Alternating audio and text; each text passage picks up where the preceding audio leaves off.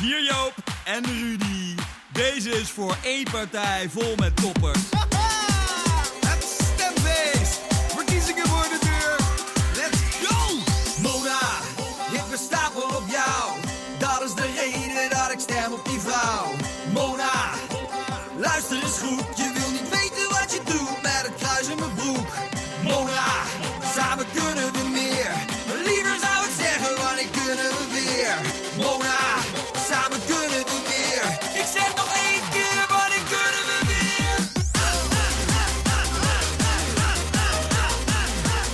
Ik was vergeten hoe lang die intro eigenlijk is. Fucking lang. Maar als je die clip erbij hebt, dan zit je gewoon te genieten. Ja, zo.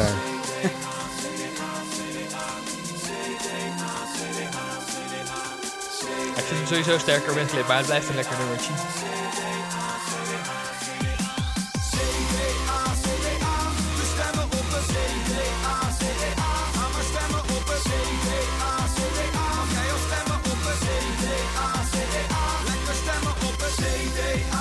Ja, mensen, dit is geen stemadvies. Dit is gewoon een lekker introductieliedje. En we gaan beginnen. We durven hem niet vlak voor te draaien, maar daarna kan wel.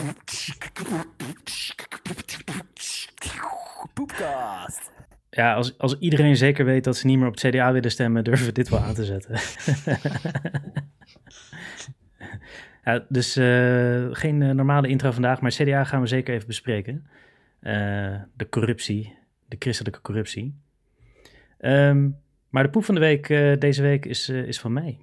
Dus ik ga gewoon een monoloog houden. Of zo. Knal hem erin. Eh, ja, het was wel. eh, we, er zit natuurlijk een lockdown, dus dan eh, heb je iets meer contact met je buren dan eh, normaal. Ja? En wat, wat zei Steven? Ja? Oh, Ja. ja, nee, nee, minder. Oh, minder? Oh, wij, Ja. wij juist wel wat meer, maar. ehm, Met, eh, eh, thuis zitten te werken of zo. ja, precies. Ik, ik werk de hele tijd thuis, dus ik.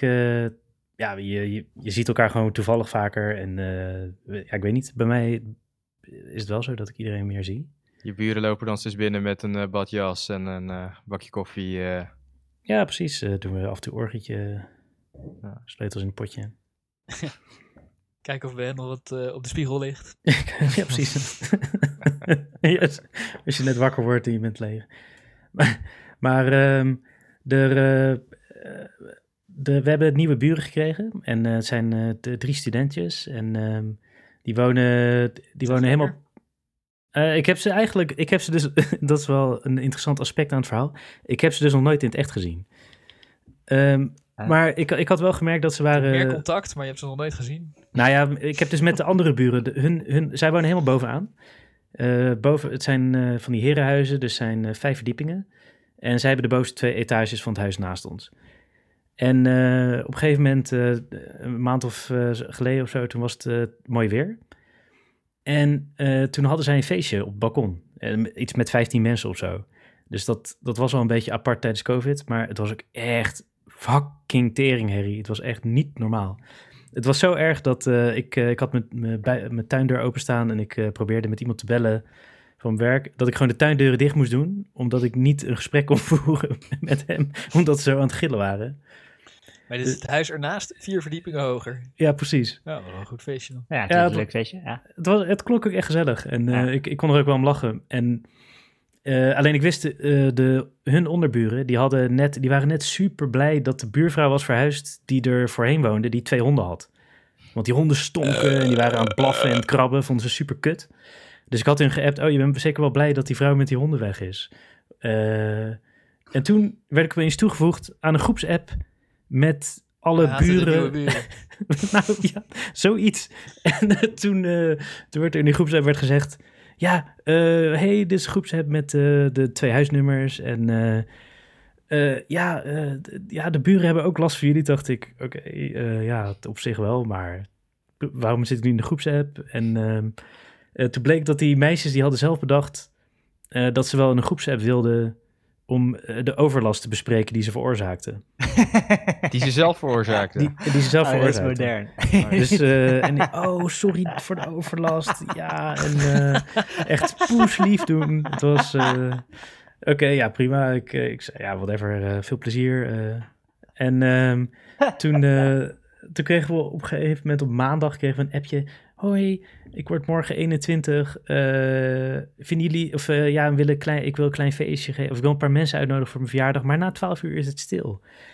En eh, toen bleek dat ze dus op dinsdagavond een feest hielden met 30 mensen in huis. En eh, het zal je niet verrassen dat het om 12 uur niet stil was.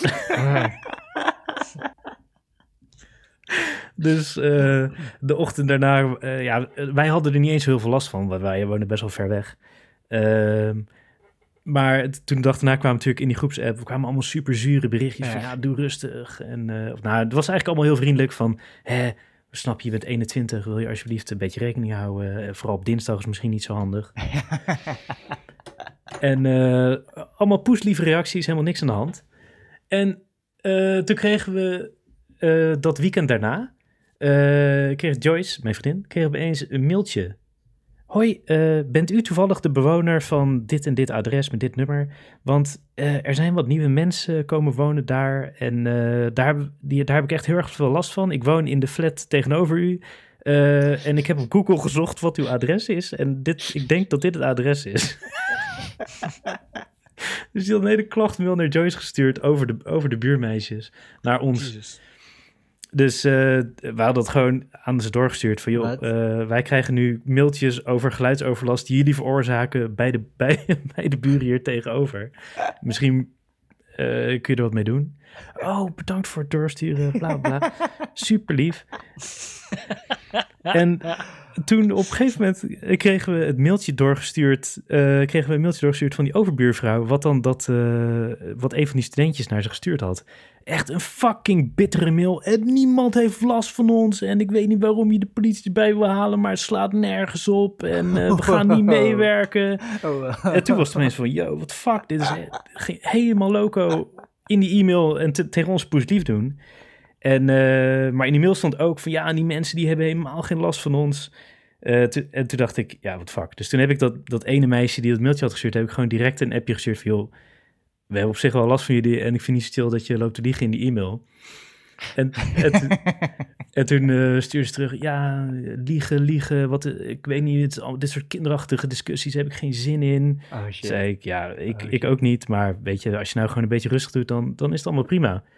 Oké, nou, dan is er niks aan de hand. Oké, ja, inderdaad. Dat- dus dat was, dat was het einde van dat. Maar toen... Dat, wat? Was het, eh, hoe lang wonen ze daar? Twee maanden of zo. Zo echt als Jezus. net. Maar was het passief-agressief al gedoe of allemaal? Is het heel ouderwets van mij dat ik ook denk van, waarom bellen ze niet bij elkaar aan? Eh, nee, maar dat, dat gebeurt ook. Nou ja, vroeger had je de tactiek van eh schijnheilige briefjes bij al je buren naar binnen gooien. Ja, Als je een feestje gaf. Dat, daar waren sommige mensen voorstander van, andere mensen vonden het weer ja, passief-agressief. En het soort van middelvinger van eh, fuck you, we gaan geen rekening houden, deal with it. Maar dan Ja. lief, ge- lief geformuleerd. Oh ja, nou, ik vond Ja. het wel altijd chill om te krijgen, zulke briefjes. Ik heb ze eigenlijk nooit gestuurd. Ik stel het wel op prijs eigenlijk. Ik vind ook wel zo van, want je weet, ik ben het eens met de boodschap, Steven. Eh, Mhm. Maar ik vind ook wel, ik vind het toch sympathieker dan Ja, opeens op dinsdag asociaal feest geven. Ik heb wel eens eh, gewoon bij alle buren aangebeld. Maar ik ben ook iemand die dan echt al zijn buren kent. En eh, niet dat ik nou iedere week eh, met mijn vinger in hun kont zit, maar eh, eh, ja, ik maak altijd praatje met ze. Dus, eh, en nu ben ik te oud om feesten te geven. nee, het is corona. Maar eh, volgens mij heb ik zelfs in deze straat ook nog wel eens. Ja, dan bel ik gewoon bij ze aan. Ja, ik heb, een, eh, ik heb maar twee buren. Aan de ene kant en de andere kant. Ja, ik, Mhm. ik vind de, de allerbeste tactiek is je buren gewoon uitnodigen. Mhm. Ja, Dat doe ik ja, altijd. Oh ja, dat doe ik ook altijd. Dan bel Oh, ik aan en dan nodig ik ze uit en dan zeg ik dat, eh, ja. Maar het, Rolf, het- de uitsmijden moet nog komen. Oh, ja. Ja. Want het is, het, zeg maar, je voelt al een beetje opbouwende spanning, toch? Bij die meisjes van, eh, ze, ze gaan al boze mailtjes heen en weer. En toen was Klinken het, als psycho's. Ze klinken als eh abort, abort, psycho. ja, nee, nee, Ja. klopt. Zo klinkt ze inderdaad. Want toen, eh, de dag nadat ik die, eh, dat sms'je had gestuurd van... joh, doe, doe gewoon rustig, dan heb je geen problemen, weet je wel. We, zijn helemaal niet, we, hebben- geen moeite met jullie, maar het is wel heftig. En, eh, maar toen, de, toen kwam er vlak daarna kwam ook nog een appje van, an- van de andere buurvrouw in de Zeik-app. Eh, en toen was het even stil. En dacht, nou kwam er een bericht. Echt gewoon twee schermen WhatsApp vol.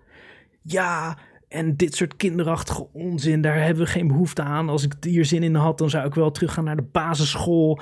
En ik woonde vroeger tegenover een speeltuin. En in de speeltuin had je ook gillende kinderen. En daar kon ik ook niet over klagen. Dus ja, als je ergens gaat wonen, moet je er maar mee dealen. En deze groepsapp heb ik, had ik niet aan mee hoeven doen. Ik had niet hoeven reageren op jullie berichtjes. Gewoon echt, Rage. ging maar door. Oké. En- Niemand reageerde. Wij- ik heb ook nooit gereageerd. Maar sindsdien is het wel stil. Het, eh, Oké dan. Het is lekker psycho ook met allemaal mensen dit soort ruzie maken die je nog nooit hebt gezien. Ja, dat was wel een nieuwe ervaring. Ja. Maar Rick, je kan toch op hun WhatsApp profiel dinges kijken en dan hun foto zien? Eh, ja, maar dan hebben ze allemaal eh, zonnebrillen op. En dan kan je toch wel zien of ze lekker zijn? Ik, ik, eh, ik had het idee van niet. Zelfs voor hele jonge meisjes viel het een beetje tegen. Oh. Heel Dat, belangrijk eh, voor mijn begrip van dit verhaal. Nu vind ik het stom dat ze lawaai maken. Dat, eh, nou ja, ik, ik, op zich heb ik daar helemaal niet zo heel veel moeite mee. Maar het was wel echt, eh, het was echt wel heftig hoor.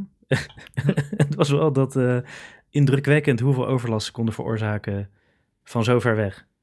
Weet je nog dat ik in Groningen woonde en een feestje gaf Ja. en dat de buurvrouw echt zo huilend voor de Ja. deur stond?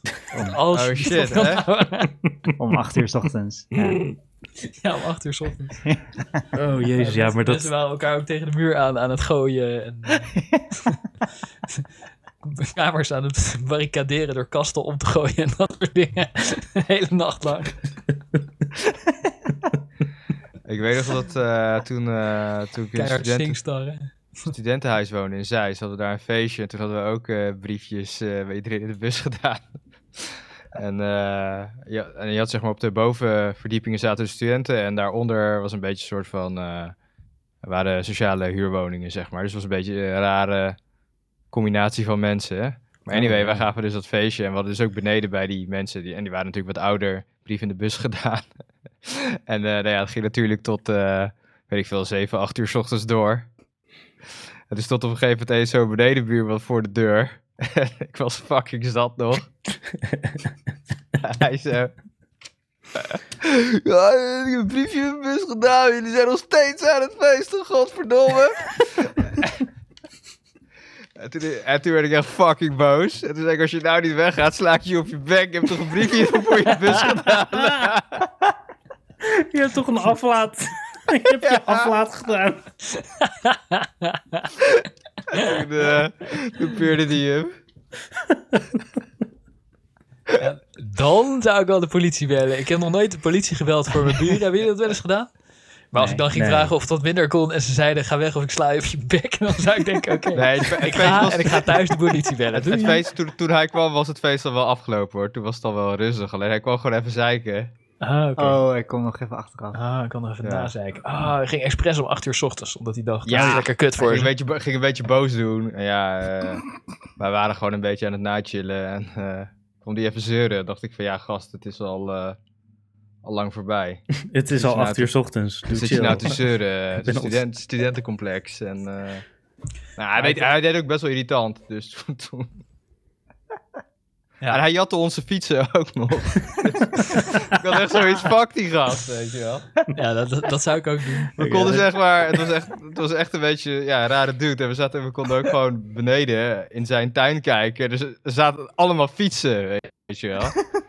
Dus ja, Maar eh, Christian, hoe ging dat, ging dat een beetje zo? Joh, sorry. Maar ik zeg, eh, als het jasje van je beschadigd is. en Ik zeg, je wilde er iets aan doen. Zeg, kom op dan. Kankerjong. Vuile, vieze kankerleier. ja het is enige gelijkenis, eh zeker. Maar hebben jullie nooit de politie gebeld voor eh buren lawaai? Nee. Nee. Nee. Nee. We zijn natuurlijk allemaal bij feesten geweest waar de politie werd gebeld. Ja. Dat we de dader waren ook samen. Dus dat, eh, dat hoef ik niet eens te vragen. Maar Ja, eh, nee, Ja. ik ook niet. Nee, dat gaat me echt te ver. Nee. Ook al zijn ze nog zo irritant. Dan ga ik wel drie keer zeiken en dreigen dat ik de politie bel of zo. Maar nog nooit echt gedaan. Nee. Nou, ik, ik heb het... Nee, ja, kijk... Nee. Toen was de politie gebeld toen ik dacht dat de buurman de buurvrouw aan het vermoorden was. Zo klonk het. Oh, Ja, ja, oh, ja dat, dat, dat zou ik Heb ik ook aangebeld trouwens, maar ze deden niet open. ze hebben maar gewoon 1 en 2 gebeld. Nou, ik, ik heb nooit echt gigantische geluid. Ja, misschien heb ik het net getroffen. Maar eh, ja, kijk, vaak eh, zijn mensen aan het, of aan het klussen. Of het is dan een gillend kind of zo. Maar echt last van feestende buren heb ik eh, niet gehad, eh, volgens mij. Volgens Nee? mij was ik dat voornamelijk. Ja. Ja, ik heb ook meer feestoverlast veroorzaakt dan geleden. Maar ik heb ook wel eens eh, irritante feesten van de buren gehad. Maar ja, dan Ja. denk ik gewoon, ja, whatever. Ja. Doe ik ook wel eens. Ja, dat heb ik ook. Weet je, als het één keer op een zaterdag is of zo. Ja, nee, eigenlijk, eh, eigenlijk nooit. Nee, nee. Precies. En ik heb ook nooit niet. buren gehad die dan nog na drieën, zeg maar, doorgingen zoals wij. Nou ja, meestal als je gewoon weet dat eh, als buren feesten... Daarom vind, je, vind ik het chill als ze waarschuwen. Want ik vind het ook niet erg om dan een nachtje ergens anders heen te gaan of zo. Dat je, als je, er- als je vroeg op moet, dat je even weet van... Dat je er rekening mee kan houden.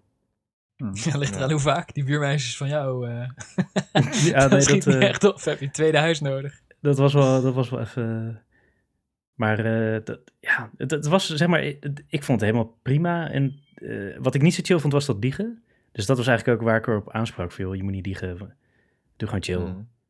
Maar eh, ik heb trouwens, Rolf, toen je net zei van... Ik heb één keer de politie gebeld voor de buren, maar toen wist ik het niet.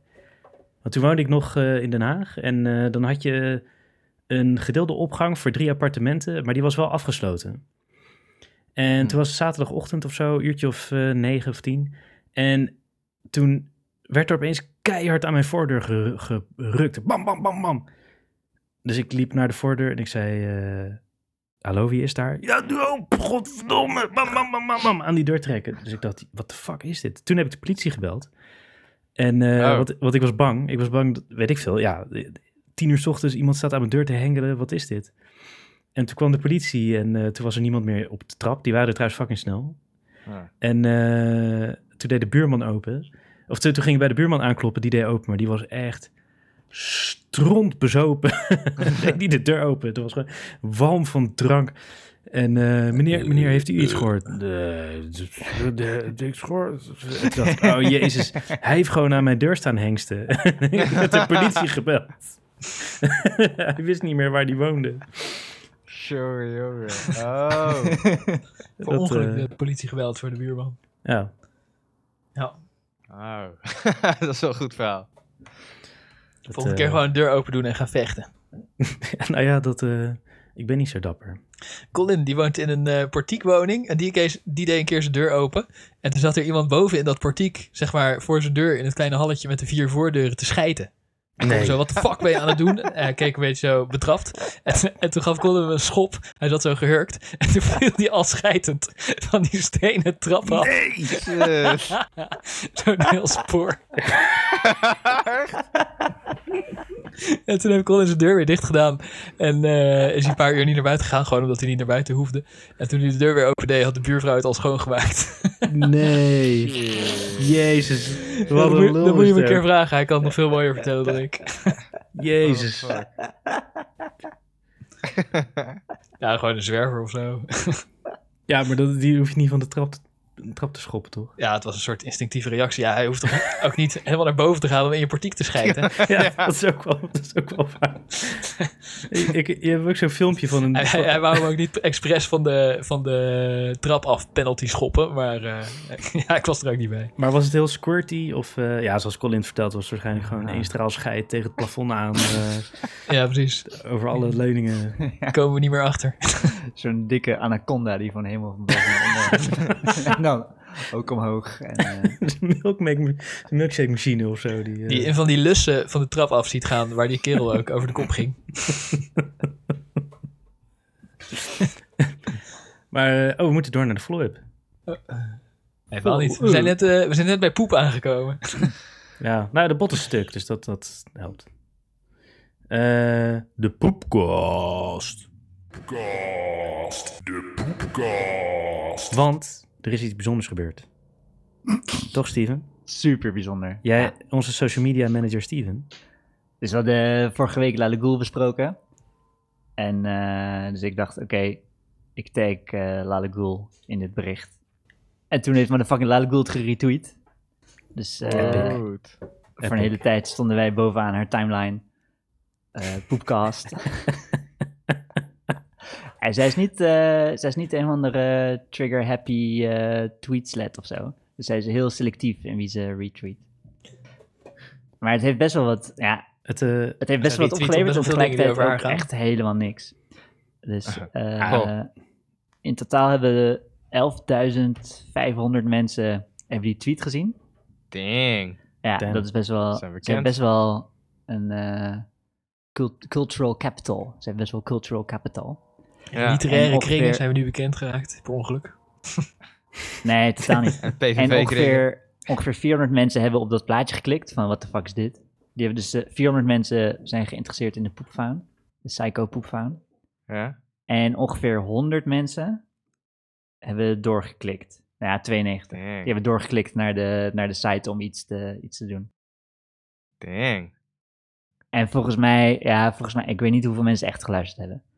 10 of zo, 5. nee, maar je nee, ziet nee. wel, je Nee, ziet wel in de Spotify shit Honderden, toch? dat, eh, dat het Lale item wel populair is. Dat mensen hebben doorgeklikt daarheen.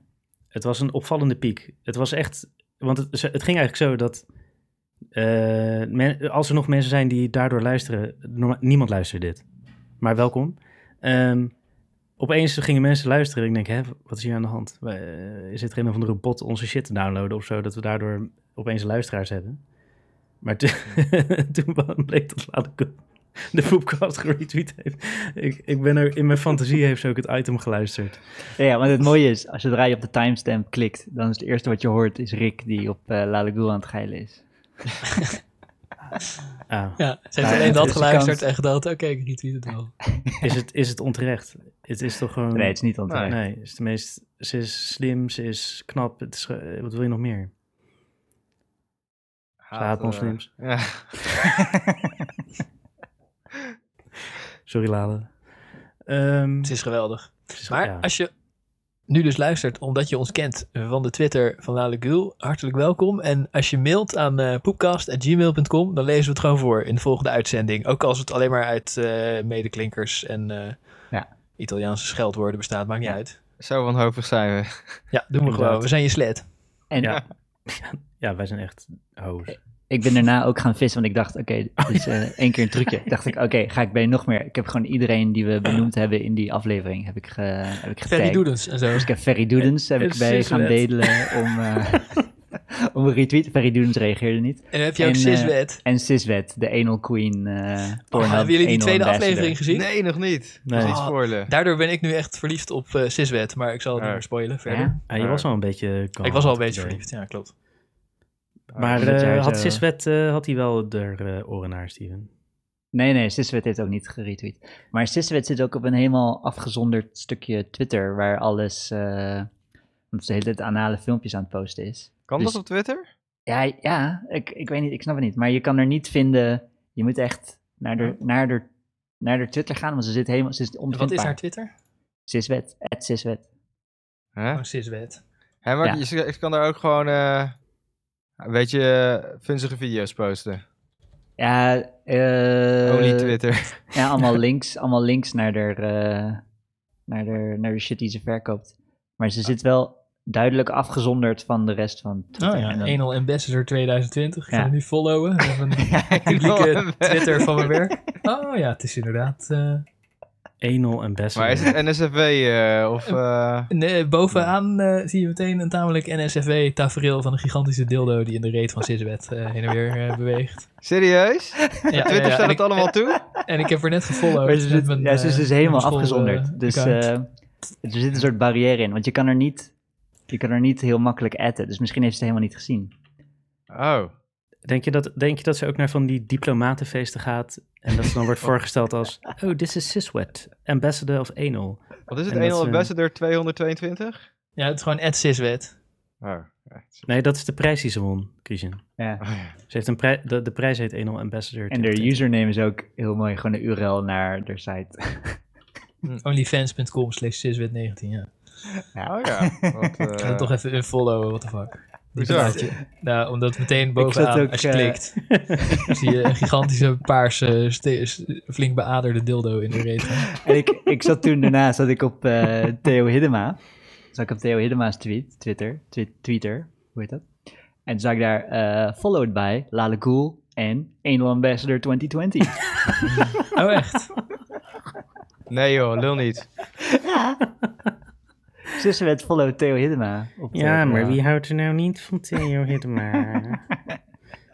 Even kijken, hè, maar wat, ik zie geen eh paars. eh, bij mij staat alles, eh, heeft sensitive eh, content. Oh, oké. Ja, moet je even inloggen. Potentially sensitive. Ik ben, Ja, en iemand die echt Jongens, tot, tot voorbij de elleboog in de reet gaat.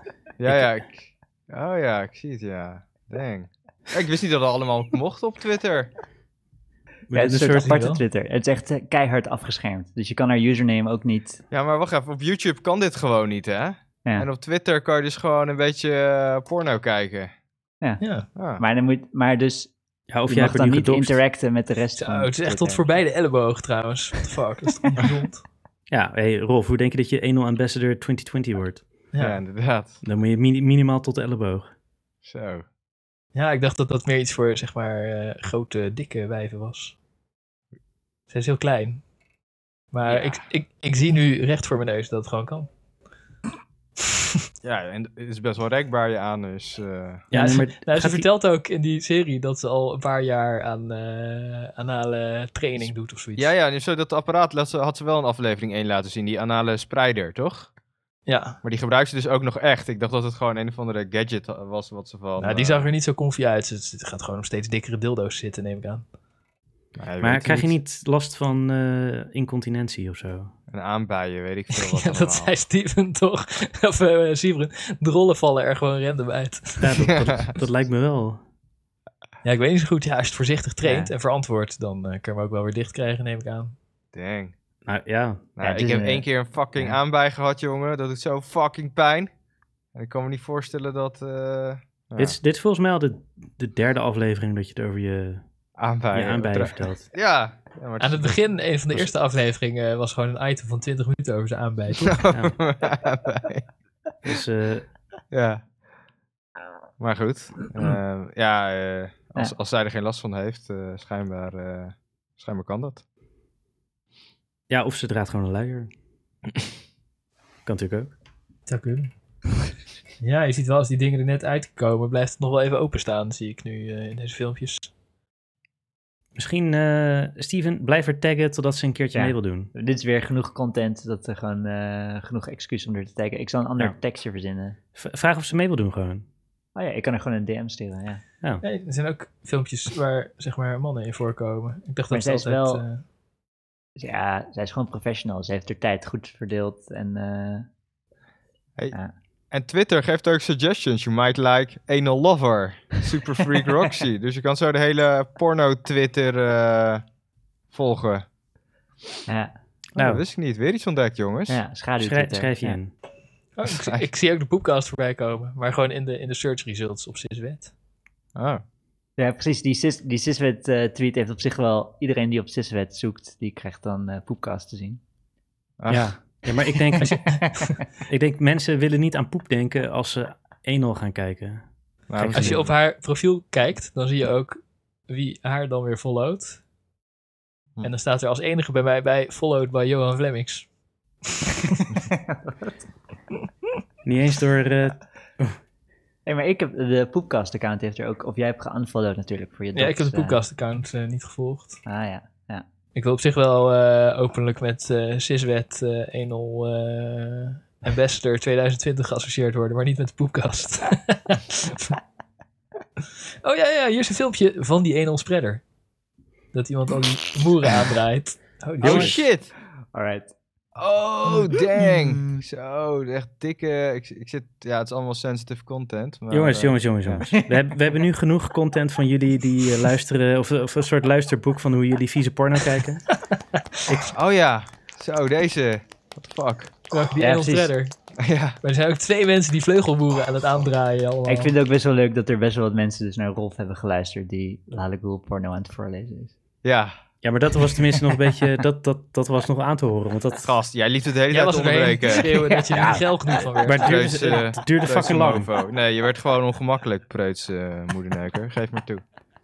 Het duurde alleen maar lang omdat jij er zo lekker op reageerde. Ja, precies. Ik vind gewoon seks is iets wat je in bed doet met je vrouw. In de Die 1-0 missionarispositie. spreader werkt anders dan ik dacht toen In ik de- het in de, in de zag. Met als doel om voor te planten. Toch? Enige doel.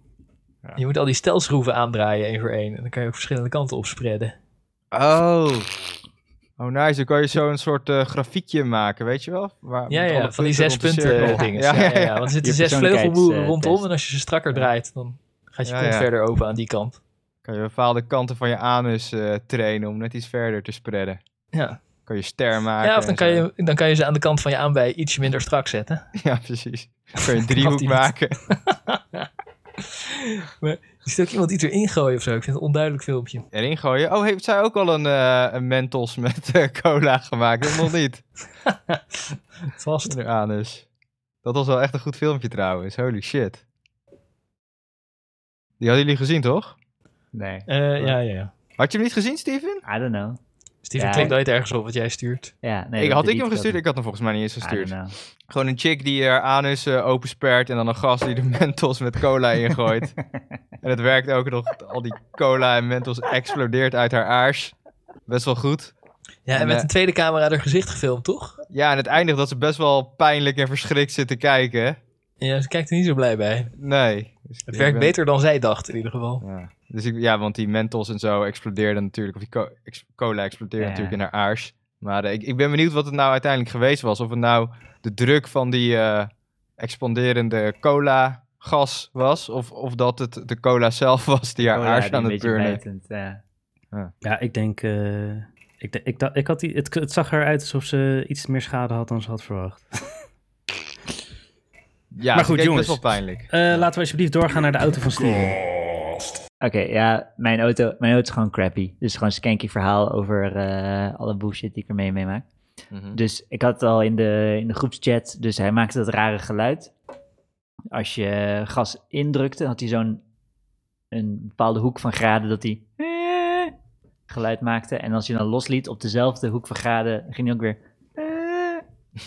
Maar wat het was, ik heb echt fucking veel mensen gevraagd en niemand heeft het goed geraden. Wat, hij, is de, wat het nou uiteindelijk was.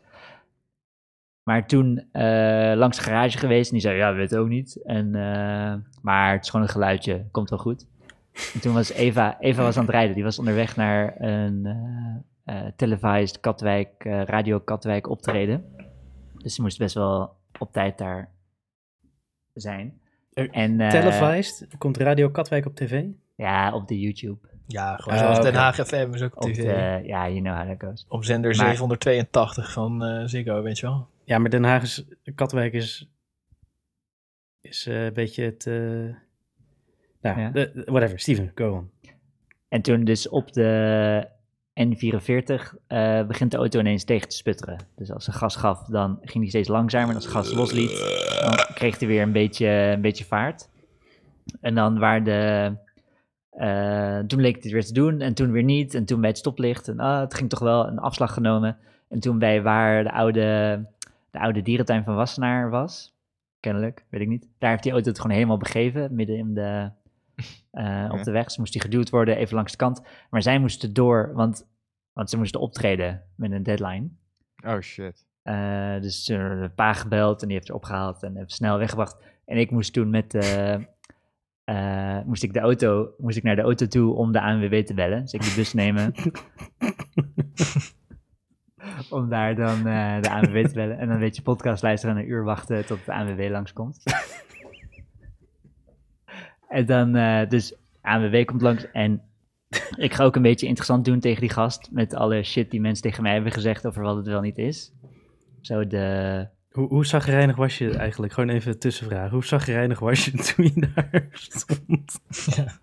Ik zou echt zo pissig. Ja, ja, eh, Ja, ja, jij, bent, zich- jij bent ook een beetje een grumpy opa. dus, Is ook, zo- dat is waar. Ja. dus ja, ik dacht... Ja, die auto is gewoon crap. Ja, ja het was wel... eh, Was het lekker weer? Ja, het regende niet. Ja, het was prima weer. Het was gewoon prima. Het was eh zeven uur s avonds of zo.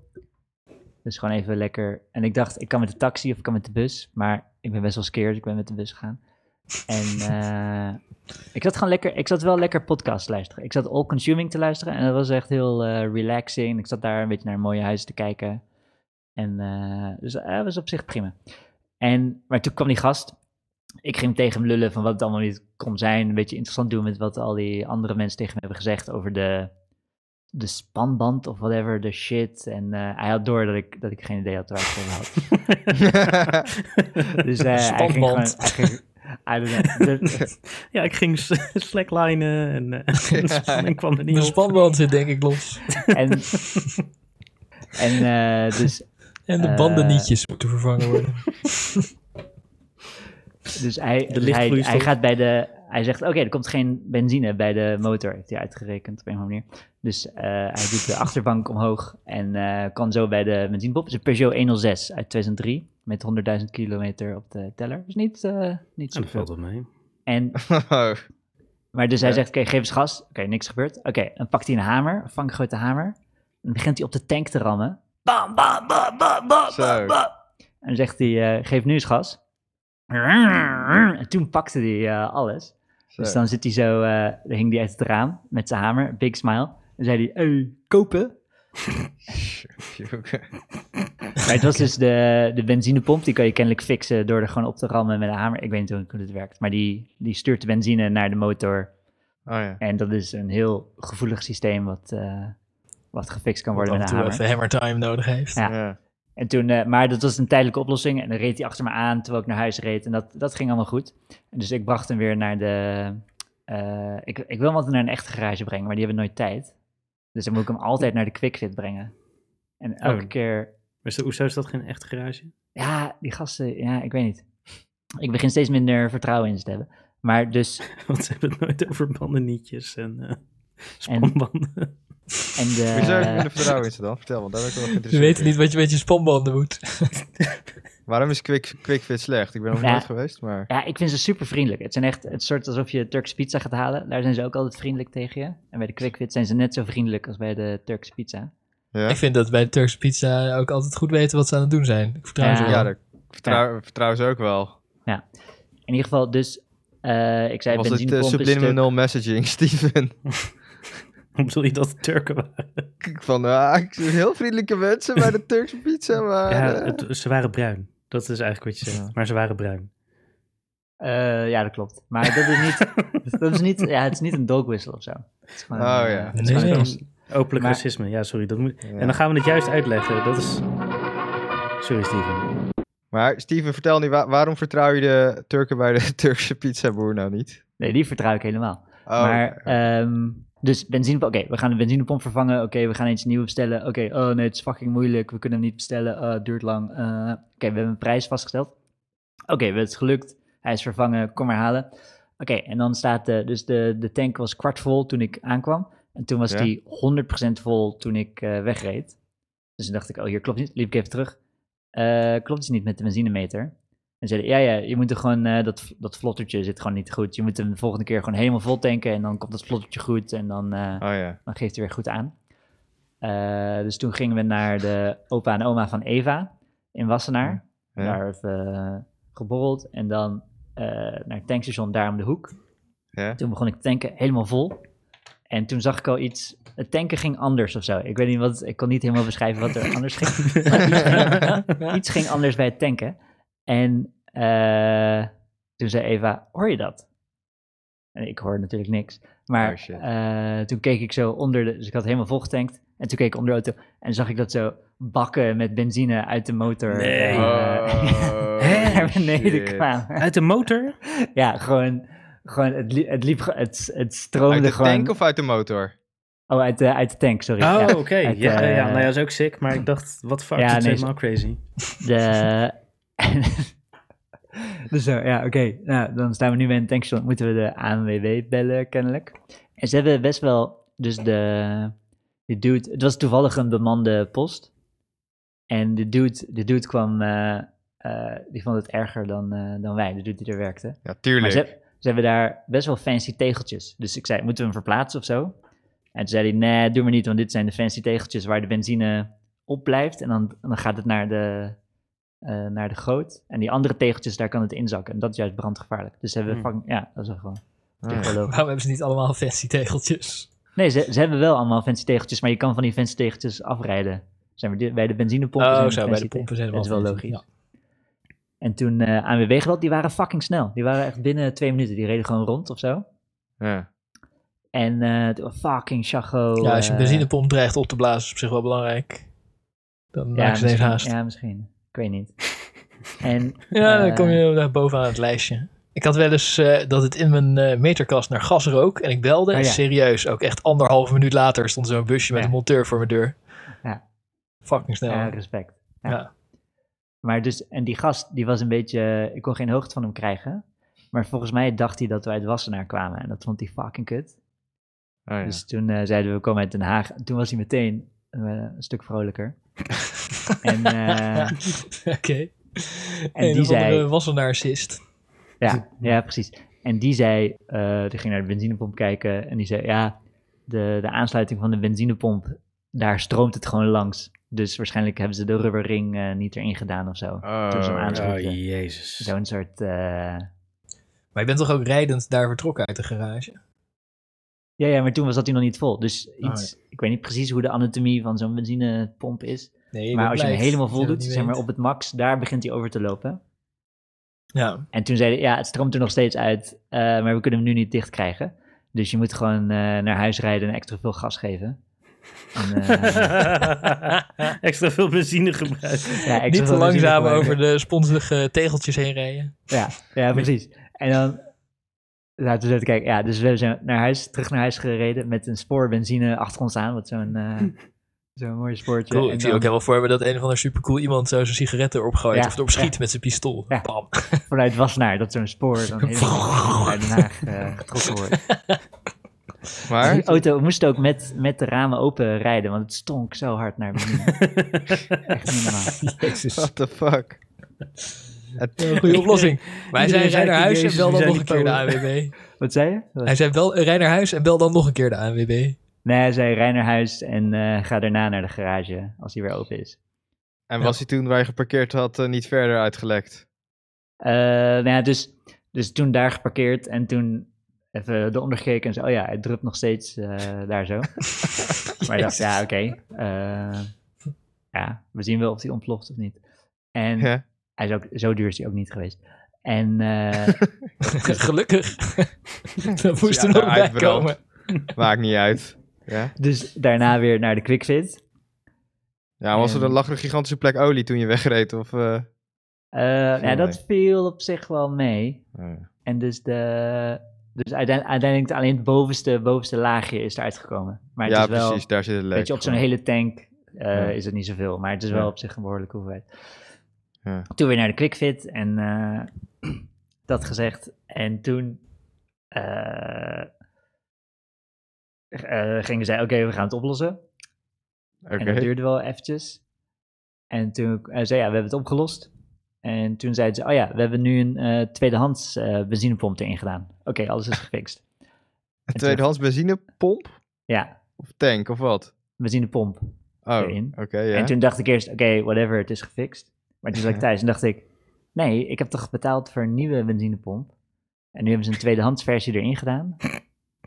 Dus ik weer terug.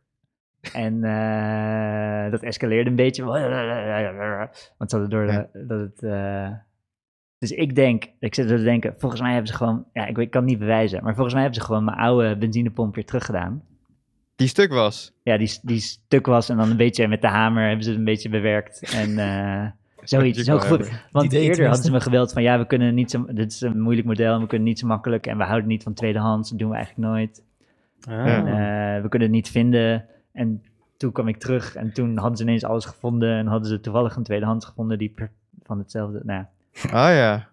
Ik vond het allemaal een beetje verdacht. Maar nog Ja. steeds, die benzinemeter, die werkte nog steeds niet. Dus dan rij je zo rond en dan Ah, fuck, is irritant. eh, zegt hij, ja, je, je hele tank is leeg. ja. Dus dat is ook best wel, is best wel triggering. Dat is op zich Maar- wel interessant. Want nu moeten we rijden op de, eh, op de kilometerteller. Ja, maar gast. Ga, ben je niet weer terug naar de. QuickFit gegaan? Nee, ik, ik ben de QuickFit zat, Jan. Ik ben de QuickFit nu zat. Gast, dus ik ga ik gewoon naar een echte gewoon- garage. Ik Ja, ik ga zo even... zit- gemaakt maar- daar. Ga Ik gewoon zit- naar zo'n Turkse garage, even serieus. Die, Ja, ja, die gasten zijn altijd altijd tijd. fucking chill. Ja, hebben echt trouwens verstand Turkse pizza ook al Ja. niet. Die naaien Nee, nee, niet. nee. Ik wil, ik, wil, ik wil gewoon niet naar de QuickFit. Maar ik wil wel naar... Ik zit nog te denken, ik ga ze nog bellen. En Ik weet niet, kan ik geld terugkrijgen of zo? Ik weet niet. Ja, nou ja, weet je, ze moeten het gewoon fixen eigenlijk. maar Eigenlijk dat zou ik lukt gewoon niet. Teruggaan en ik gewoon zeggen, ik wil even met je baas praten of zo, whatever. Zeg maar, dit is de condensed version. Dus ik ben al vier keer geweest of zo. En het Oh. lukt ze niet. Ik denk dat Je hoeft er wel alleen de eerste keer te betalen, hoop ik. Ja, ja, Ik- alleen de eerste keer betaald, ja. Als ik jou was, zou ik gewoon een advocaat inhuren voor 1000 euro per dag. Die stuur je erop af. Dan, heb je, dan krijg je zo je 200 euro terug. Ja. Ja. Ja, Gewoon zo'n advocaat die, eh, als het niet werkt, ook gratis is. Hoe heet het ook alweer? Hebben ze Ja, een no van de pay, no, advocaten eh, voor... eh, En, no eh, cure, no pay. een, Ja. een, een eh, fantasieadvocaat. Nee, maar ik heb nu een, een garage gevonden die, waar deze auto vandaan komt. En waar ze Peugeot-dealer zijn. En... Dus daar, daar ga ik gewoon even langs. Shit, maar de condensed versie, we willen eigenlijk alles horen, want dat zijn die andere keren bij de Quick Fit al dat het... eh, Ja, nee, ik, dus die benzinemeter, dat die benzinemeter niet werkt. Ja. Dat, daar ben ik nog voor terug geweest. Oh, En, ja. eh, ook toen hadden ze even wat benzine uit de tank gehaald. Oh ja. Om te bewijzen dat de benzinemeter wel zou werken. Oh ja, hij had ook gezegd, ja, ja, de benzinemeter werkt echt. Ik heb het echt zelf getest. En, die en ik zei, ja, maar ik heb 300 kilometer gereden. En de tank, dat wijst dus helemaal niet eh, verschoven. En zei, ja, ik snap het ook niet, maar hij is echt super zuinig of zo. Je auto is een eh, perpetuum mobile Ja, geworden. En hij zei, en die tank zit echt helemaal vol. Hij zit echt 100% vol.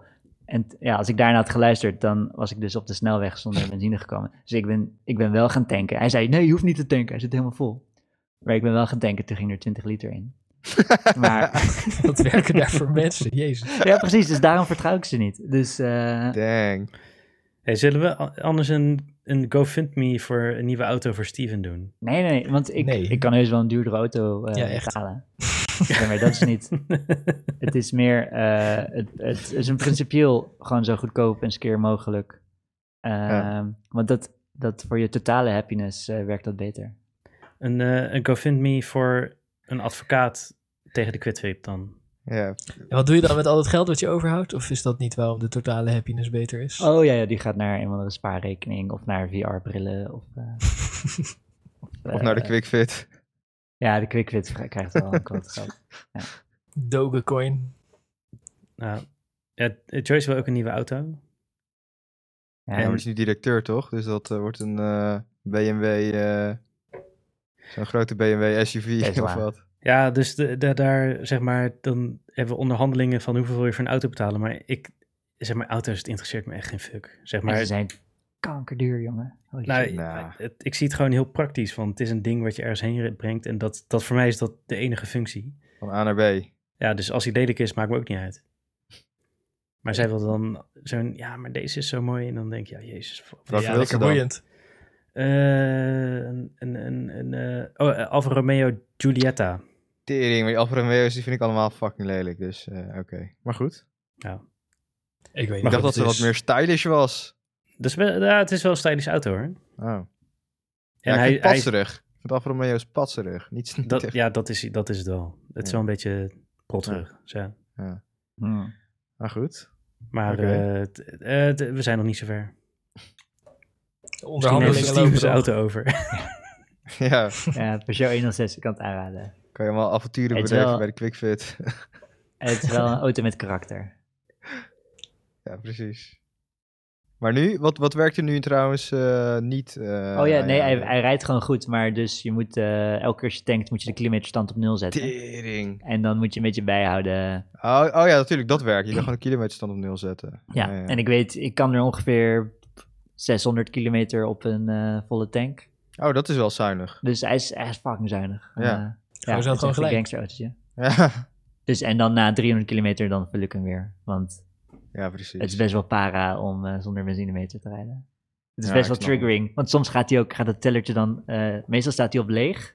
Ja. En af en toe gaat hij eh, heen en weer. Doing, doing, doing, doing, doing. en af en toe staat hij op vol. Ja, Misschien doet het lampje het nog wel, van bijna leeg. Dan hebben we de hele meter niet meer nodig. ja het is iets met de vlotter of ik weet niet. Ja. Ah. Grappig. Ah, ik denk... eh, ik vond het goed verhaal, Steven. Fucking goed verhaal. We moeten, want eh, de enige reden dat we dit onderwerp nu gaan bespreken is omdat ik het eh, rapport heb gelezen afgelopen weekend. En, anders En omdat we de vergeten. intro-tune hebben afgespeeld. Dus nu kunnen we niet meer Oh terug. ja, Kun je precies. ja, nu onderuit. We zijn committed. all in gegaan. Ja. All in. Want eh, Rolf, jij, jij wilde heel graag eh, een meestelijk verhaal vertellen over de CDA-verkiezingen? Ja, het CDA is een mooie partij. Vol toppers. En Ja. eh we hadden laatst over eh, eh, Mark Rutte met zijn actieve herinnering en zo. En eh, Hoekstra die, eh, die een motie van afkeuring tegen hem eh, indiende of steunde of weet ik veel wat. En ik vond dat stom, want ik vond het hypocriet. En toen hadden we het erover, maar toen... eh, ehm, eh, want ik dacht, die Hoekstra is veel erger dan Rutte. Dus het is logisch dat hij daar een motie over, over maakt. En eh, dat, dat bleek ook wel uit de eh, ministerraad notulen die later eerst gelekt en toen vrijgegeven werden. Maar ehm, eh, toen, toen merkte ik dat, toen, eh, dat, dat jullie niet door hadden wat ze bij het CDA eigenlijk, hoe dat ging vorig jaar met hun verkiezingen en hoe dat al jaren gaat bij het CDA. Dus ik dacht, daar ga ik eens even lekker over ragen. Want ehm, zij hebben een lijsttrekkersverkiezing gehouden. Die, die Pieter Omtzigt, daar moet ik mee beginnen. Het gaat allemaal om Pieter Omtzigt natuurlijk. En die, eh, die zit in de Tweede Kamer van de CDA-fractie. En de, eh, die zit een beetje oppositie te voeren tegen het kabinet. Die, terwijl de, die gangster, ik had nooit, ik, heb, ik zat niet op te letten, ik heb nooit echt iets over hem gehoord, maar nu is hij een soort superheld. eh, ja, ja, hij is een soort, hij is echt gecatapulteerd tot Ja, ja. totale sterrenstatus. ja. Terwijl hij al eh, eh, meer dan een maand niet in de Tweede Kamer is geweest, volgens mij. Robin eh. Hood. Ja.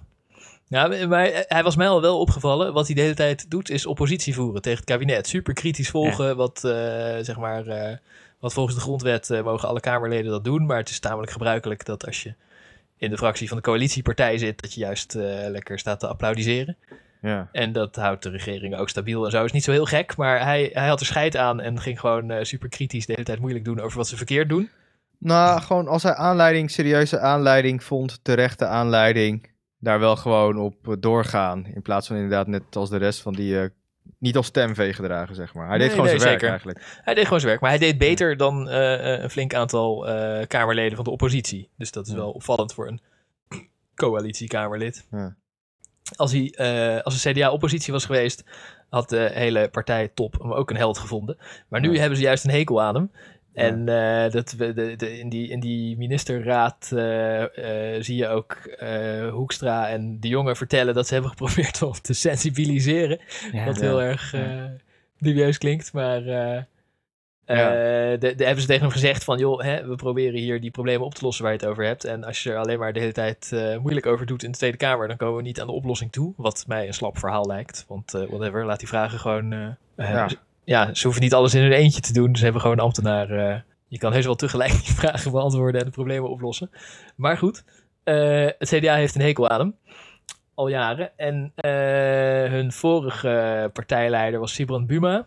Maar wat bedoel je, het CDA? Want, want hij is toch ook het CDA? Ja, ja, ja. De, Dus- de, de, de partijtop. De voorzitter en de Maar, bestuur. en, maar is hij dan in zijn eentje, of vinden mensen binnen Wat? het CDA hem wel chill? Of is dat... Hij heeft fans in de CDA. Hij heeft veel fans in het CDA, bepaalde afdelingen. Dat zijn zeg maar per stad de, de lokale CDA's. Gewoon overal waar ze in een gemeenteraad of een provincie zitten, heet een afdeling. En die hebben hun eigen vergaderingetjes natuurlijk. Ook als er in Den Haag hebben ze vier gemeenteraadsleden of zo. Maar dan heb je ook gewoon allemaal leden en zo. En die gaan weer in vergaderavondjes. eh, gaan ze eh, Ja. de, de, de, de eh, conceptverkiezingsprogramma amenderen en zo. Er is superveel gevergader, zo'n partij. Er zijn zeker wel mensen die hem steunen, maar het hele eh bestuur, Gevestigde. de, Ja, de, de, de top van de partij, die, die haat hem. Omdat hij, eh, eh, omdat hij eh, de, de media-aandacht naar zichzelf toetrekt. En eh, de hele tijd kritiek heeft. Niet doen wat zij zeggen in principe. Ja. Ja, want Ja, zij sowieso. zeggen, hou je kop en eh, stem voor alles wat we doen. Ja.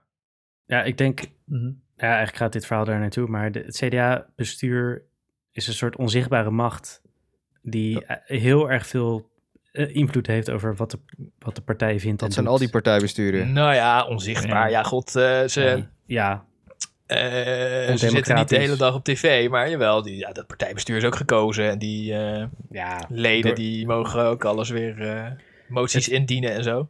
Die hebben hun eigen interne democratietje. Het is Ja. niet zo heel erg bij het CDA. Er zijn gewoon congressen en leden kunnen moties indienen en er wordt over gestemd. En dan moet het partijbestuur Ja. ze uitvoeren, net als met eh kabinet. zijn en die, gewoon aalfeest en zo. Ja. En die verzinnen dan uh, smoezen, net als het kabinet, om de moties toch niet uit te voeren, weet je wel. Maar het is Ja. ongeveer even eh, iets minder democratisch, maar met vergelijkbare structuren als het landsbestuur. Ja. Maar die partijtop die haat hem dus, omdat hij omdat hij niet naar ze luistert.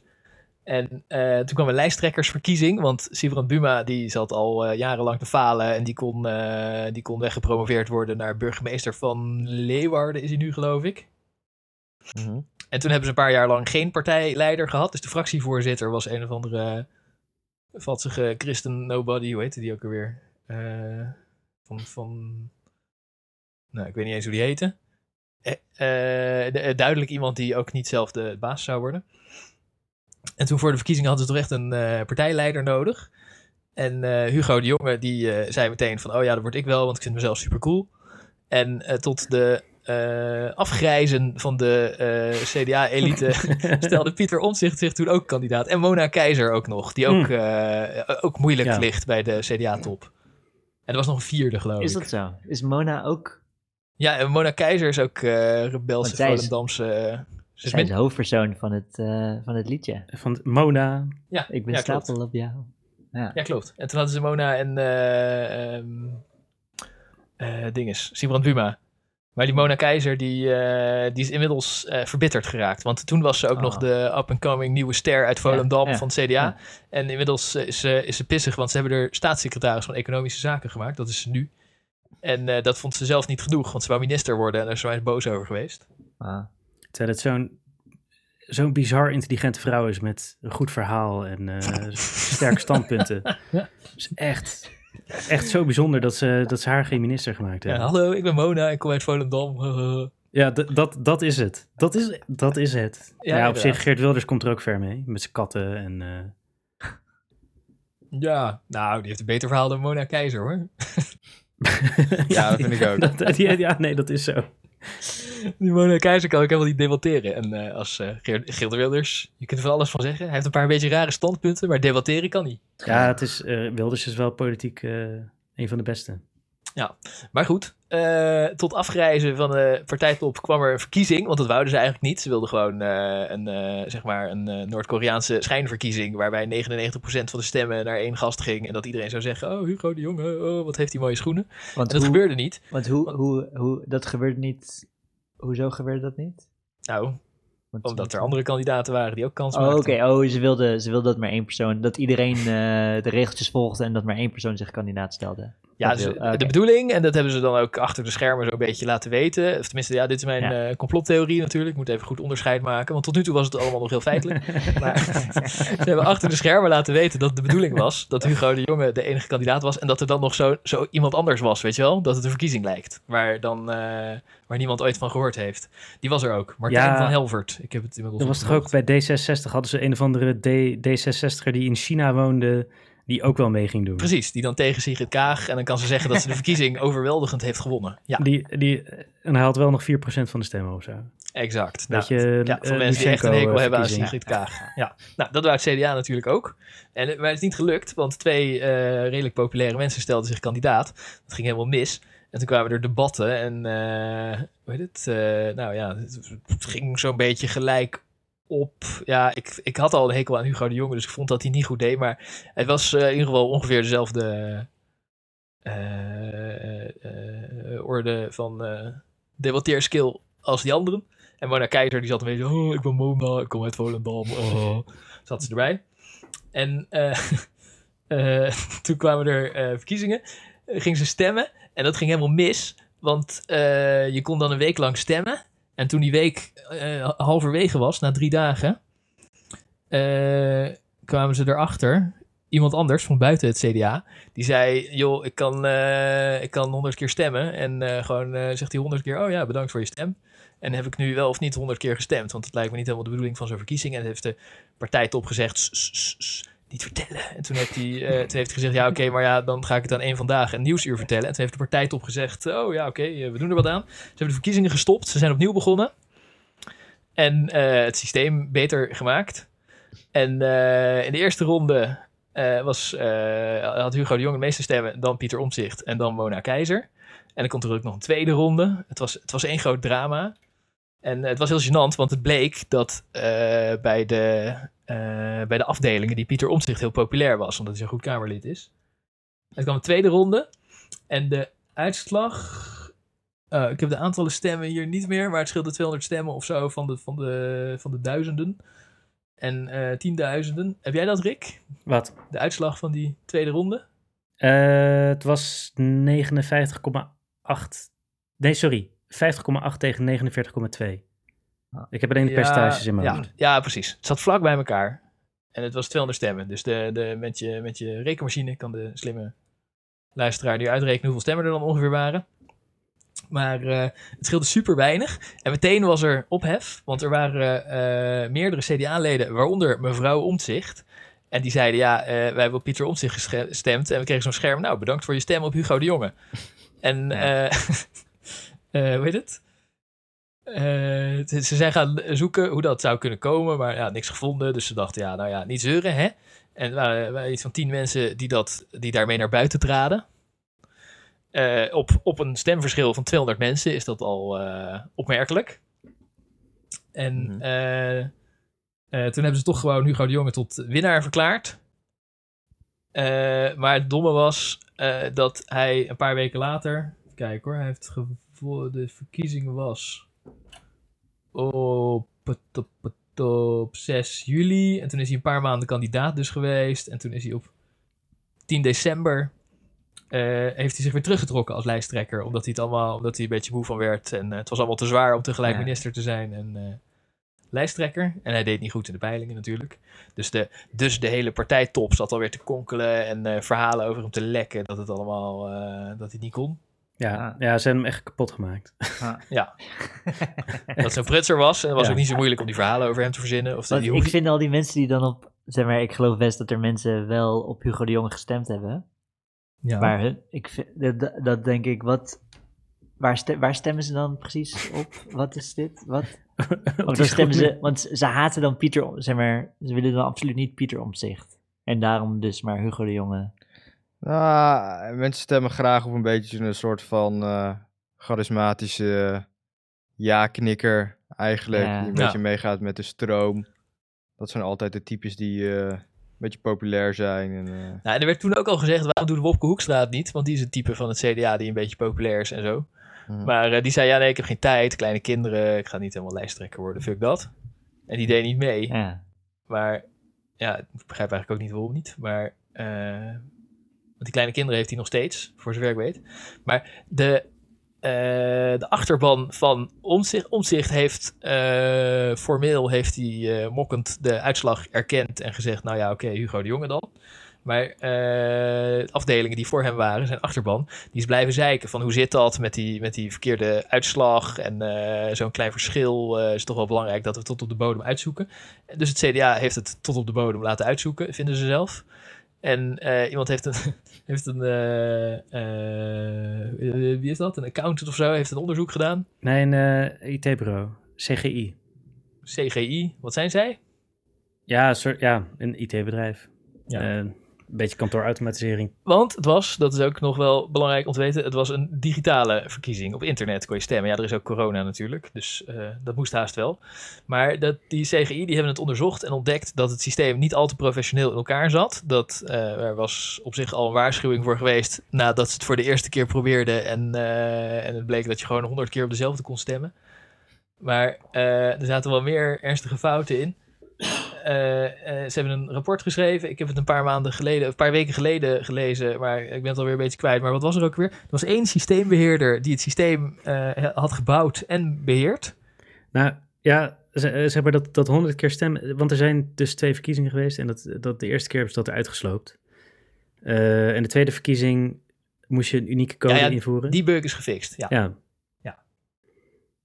Eh, dat klopt. En toen En- moesten ze opnieuw beginnen. Maar ik bedoel, eigenlijk, ik bedoel eh, dat, dat die bug er überhaupt in zat, geeft wel aan dat degene die het systeem aan het beheren was, er niks van kon. Want hoe kan je dat nou erin laten als je een verkiezingsapp probeert te maken? Eh, ja. nou ja, sowieso is het wel apart dat je één persoon hebt die een, Precies. verkiezingsprogramma schrijft. En ook nadat hij deze keiharde faal had gepleegd, zijn ze gewoon doorgegaan met die ene gast. Die in Ja. zijn eentje het systeem heeft gebouwd en gerund. Ja. En eh, dat onderzoeksbureau heeft dat als een eh, probleem aangemerkt. En ik vind het dubbel verdacht dat nadat hij zoiets doet, dat ze dan zeggen: Oké, nou doe jij anders in je eentje alles opnieuw. En dan eh, gaan we jouw nieuwe systeem wel gebruiken. Dat is merkwaardig. Dus dat klopte niet. En hij heeft. dit- het bleek niet geanonimiseerd, want hij kon achterhalen wat mevrouw de Jonge en die andere klagers hadden gestemd. En hij zei: Nou, uit mijn eh, administratie blijkt dat ze gewoon op eh, Hugo de Jonge hebben gestemd. Wat ook een, eh, nou ja, een verdacht verhaal is, vind ik. Nou, nee, dat, dat kan ik wel iets nuanceren, want ik heb het rapport afgelopen zondag gelezen, want ja, wat moet je anders? Maar het valt wel mee hoor, het is niet super lang, het rapport is eh 30 à 4 of zo, dus je hebt het zo, zo uit. Jesus. Nee, dat ja, klinkt erger dan het is. Je hebt het echt Ja. zo uit. Je zat met een, eh, met een goed glas wijn. ja, ik heb een paar weken geleden even doorgebladerd, moet ik bekennen. ik heb Dat, niet eh, gelezen. nee, maar ik was gewoon, ik vond het ook wel interessant, want ik was wel benieuwd van wat. eh, en eh, zoals ik het las, die IT'er is niet super retarded. Hij, is, hij heeft waarschijnlijk best wel skills. Ehm, maar hij kon dus. ehm, zeg maar, ze konden dus niet zien wie wat gestemd heeft, maar wat ze wel konden zien is. eh, ze hadden wel een soort input-output eh, check konden ze doen. Dus wat heeft iemand ingevoerd met zijn bepaalde pincode? Eh, Ah, ik dacht dat ik las dat hij ook de stemmen weer kon de-anonymiseren. nee, specifieke mensen achterhalen, hoe het was gegaan. Ehm, nou, eh, wat wel, ja, in- op een bepaalde manier denk ik wel, want je, kon, je moest volgens mij, je kon je postcode of zo ergens opvoeren. Eh, dus op die manier kon je mensen herleiden. En dat, dat was wel een van de verbeterpunten. Die, die werd aangegeven in het rapport. Verbeterpunten hoe ze het volgende keer zouden moeten doen. Of, eh, ja, precies, hoe je het nog corrupter kan maken. ja, ze moeten die gast niet hebben. Maar, eh, en wat was er nou nog meer? Ehm, oh ja, eh, die stemmen die kwamen natuurlijk in, ik neem aan, een SQL-database eh, terecht. En eh, die konden ze niet meer bekijken, want die had hij gedelete. Hij had alleen, Ja, ja klopt. hij had alleen wel- zeg maar, de, een, een dump, hoe heet dat? Een dump, een dump. toch? Ja, een dump van de database, een soort tekstbestandje gesaved. Maar, en daarvan zei hij, ja, dit is de oorspronkelijke dump van de oorspronkelijke database. Kijk daar maar naar, want ik heb, ik heb hem gedelete. Vanwege de privacy of zo, zei hij ook nog. Ja, ja, klopt. Terwijl hij dus uit die dump ook beweerde te kunnen herleiden wat mensen hadden gestemd. Maar ja, van zo'n dump kan je niet zien of, of er aan is geëdit. Dus Nee, Ah, nou, ik, dat is inderdaad het ding. eh, zeg maar, alles wat ze hebben gezien klopte. Eh, Ja. Maar er, er is zeker een hele huge-ass mogelijkheid dat er mee gekut is. En Ja. wat volgens mij dus is gebeurd, is dat ze door wilden gaan met die ene man. Omdat, eh, of ik weet niet of het een man is eigenlijk, want die is niet, eh, die is niet gedoxt, of wel, die systeembeheerder. Nee, nee, nee. Het zou me ook niet verbazen. Ja, ik heb ook gezocht. Het zou, het zou mij in het geheel niet verbazen als hij eh, wel gedoxt wordt dat het ook de speechwriter van Hugo de Jonge blijkt te zijn of zo. maar eh, in ieder geval, we weten niet wie het is. Maar eh, volgens mij zijn ze, eh, hebben ze deze ene genomen en zelfs nadat hij het de eerste keer helemaal had verkloot, hebben ze hem toch gehouden. Omdat hij eh, eh, de boel, eh, omdat hij bereid was om de uitslag te vervalsen. Ja, of het is ook sunk cost fallacy van... We zijn nu eenmaal zo ver in zee met die gast... Om nu opnieuw te beginnen Ja, is, maar je eh, bent eh, een grote ja. landelijke partij. eh, je kan ja, even eh, het is je niet kan toch gewoon een maar- Ja, transparant, maar het is, eh, eh, neutrale bureautje dit laten regelen. Zeg maar, Rolf, als het gaat om incompetentie eh, IT, en IT en overheid, dan weet je Ja. wel dat dat het recept is voor een soort perfect storm is het. Ik denk niet dat ze de landelijke verkiezingen op zo'n manier zouden aanpakken, eerlijk gezegd. Maar Maar, dan, eh, Ik, ik, ik Nee, denk, wacht andere even, ik ben nog niet klaar. eh, ik denk dat ze met hem door zijn gegaan, omdat hij bereid was de uitslag te vervalsen. En ik denk dat hij het ook heeft gedaan. Ik denk, serieus, dat Pieter Omtzigt eh, gewoon heeft gewonnen.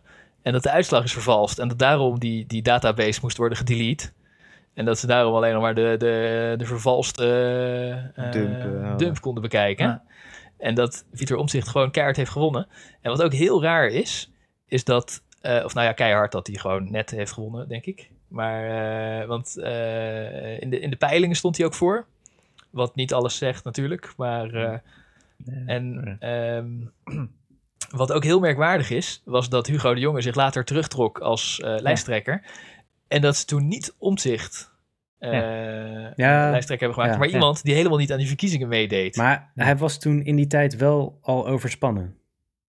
Zegt het partijbestuur. Nou, zegt... eh. Ik heb beelden gezien van hem dat hij op tv komt, vlak voordat hij zich overspannen meldde, dat hij echt gewoon in huilen uitbarstte op tv van ja, ik, ik kan niet meer. Dus ik geloof wel dat hij overspannen was. Ja, hij was wel echt overspannen. Ja, ja. Dat, eh, ja, of ja, het is op zich ook niet gek dat je overspannen wordt als je zo hard wordt genaaid. Eh, Ja, nee, klopt. dat dit soort echte complotten tegen jou... eh, Maar- Eh, zo, ik, ik, ik wil best geloven dat, die, dat er een complot is, maar zijn er ook andere mensen die dit geloven? Of zeg maar, want Pieter Omtzigt is niet een, een kleine gast en als er met hem wordt gefokt, dan heeft hij heus wel de middelen om terug te bijten. Ja, op Twitter Ja. zijn natuurlijk allemaal Mongolen die... eh, Nee, want is, Eh. is er een soort van stroming van mensen die geloven dat de CDA-verkiezingen gestolen zijn? Of is het, volgens mij het komt het momenteel niet, eh, niet actief in de, heeft, in de er geen maatschappij? van. Volgens mij is het gewoon, iedereen staat nu achter Hoe- eh, Hoekstra en er is niet echt een sterke Nee, nee, nee. Er zijn dus stop wel... steal eh, stroming. Van de landelijke durft niemand ervoor uit te komen, maar iedereen in het CDA weet dat de verkiezingen gestolen zijn, volgens mij. En eh, er zijn eh, wel eh, plaatselijke afdelingen en gemeenteraads...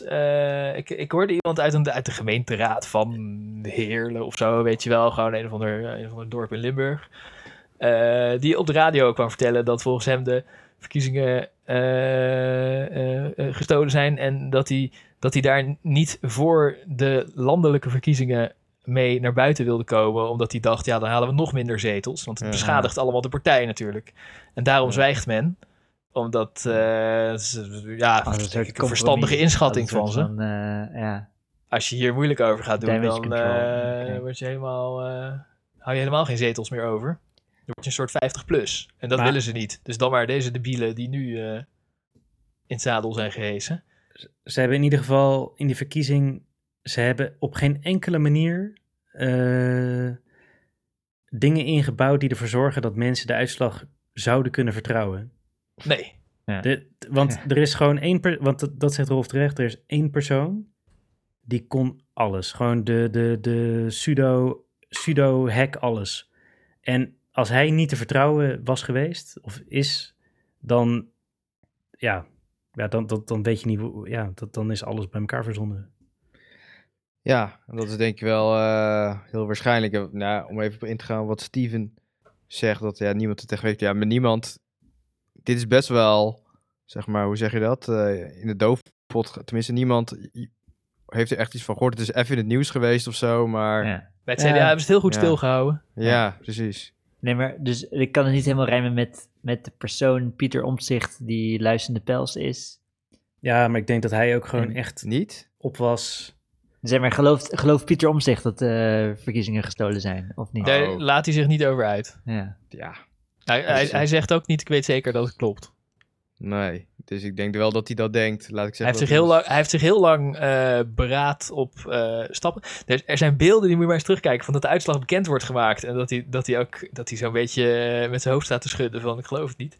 Maar, eh, en dat hij wel zegt van, oh nou, gefeliciteerd Hugo. Ja, wat moet je anders zeggen? En eh, hij is Ja. daar die bewijzen niet paraat. Maar ik denk dat hij het niet gelooft. Maar dat, eh, dat ook, zelfs hij eh, voor het CDA eh, zwijgt en ook geen harde bewijzen heeft. Nog. ja, dat is pragmatisch. Ik hoop dat die eh, worden gelekt. Ja, nou ja, als hij nu zegt het is gestolen. Het maakt ook niet meer uit. Want eh, er, is, er is al iemand, eh, lijsttrekker, die sowieso niet, eh, of partijleider, die sowieso niet aan die verkiezingen meedeed. Ja, want Ja. hoe werkt dat? Hoe kan dat? Zeg maar, Ja, zeg maar, dat, dat, dat is eigenlijk nog veel ondemocratischer. Ze hebben gewoon iemand aangewezen. Ja. ja. Eh, Oh nee, Hugo doet het niet. Oké, dat doen we hem. Dat Ja. is wat er is gebeurd. Het is he- de, het, ze hebben gewoon uiteindelijk hebben ze toch veel corrupter opgelost dan de verkiezingen hacken. Want ik Ja, vind het ook per se, per se niet hem. Want hij, is- hij is vooral bekend van die eh, toeslagenaffaire. Waarmee hij natuurlijk eh, keiharde kritiek heeft gehad op het kabinet. En dan vooral op het vorige kabinet overigens, waar het CDA wel in de oppositie zat. Toen is hij ermee begonnen. Toen eh, PvdA, en CDA, eh, of, eh, PvdA en VVD de regering waren. Maar hij, hij zit al jaren, hij is al best lang Kamerlid. En hij zit al jaren zit hij te omzichten. Dus hij, de- de- hij doet gewoon... ehm, Hij is niet in de hand te houden. nou, hij is niet in de hand te houden, hij is kritisch. Hij werkt samen Ja. met de SP. Nou ja, dat is Ja. ook een van de allerergste dingen die je kan doen in de ogen van de CDA. Ja. En ze, ze haten hem gewoon. Hij is al sinds 2003 eh, Kamerlid. Ja. En wat ze eerst ook deden, was hem telkens heel, lijst op, heel laag op de lijst zetten. Ja. En eh weet het? Eh, ja, nu, nu. Hij wordt steeds populairder bij de, bij de achterban. Dus eh, nu konden ze er niet meer onderuit om hem hoog te zetten. Want anders was het te obvious dat ze hem proberen Eruit te werken. te maken, eruit te werken. Ja. Maar wat ik dan, zeg maar, wat, wat ik tegelijkertijd niet zo goed begrijp is, eh, waarom zou hij, ja, in deze context dat hij overspannen is, begrijp ik dat hij het niet doet. Maar als hij een eigen partij begint, zou hij echt keihard kunnen scoren.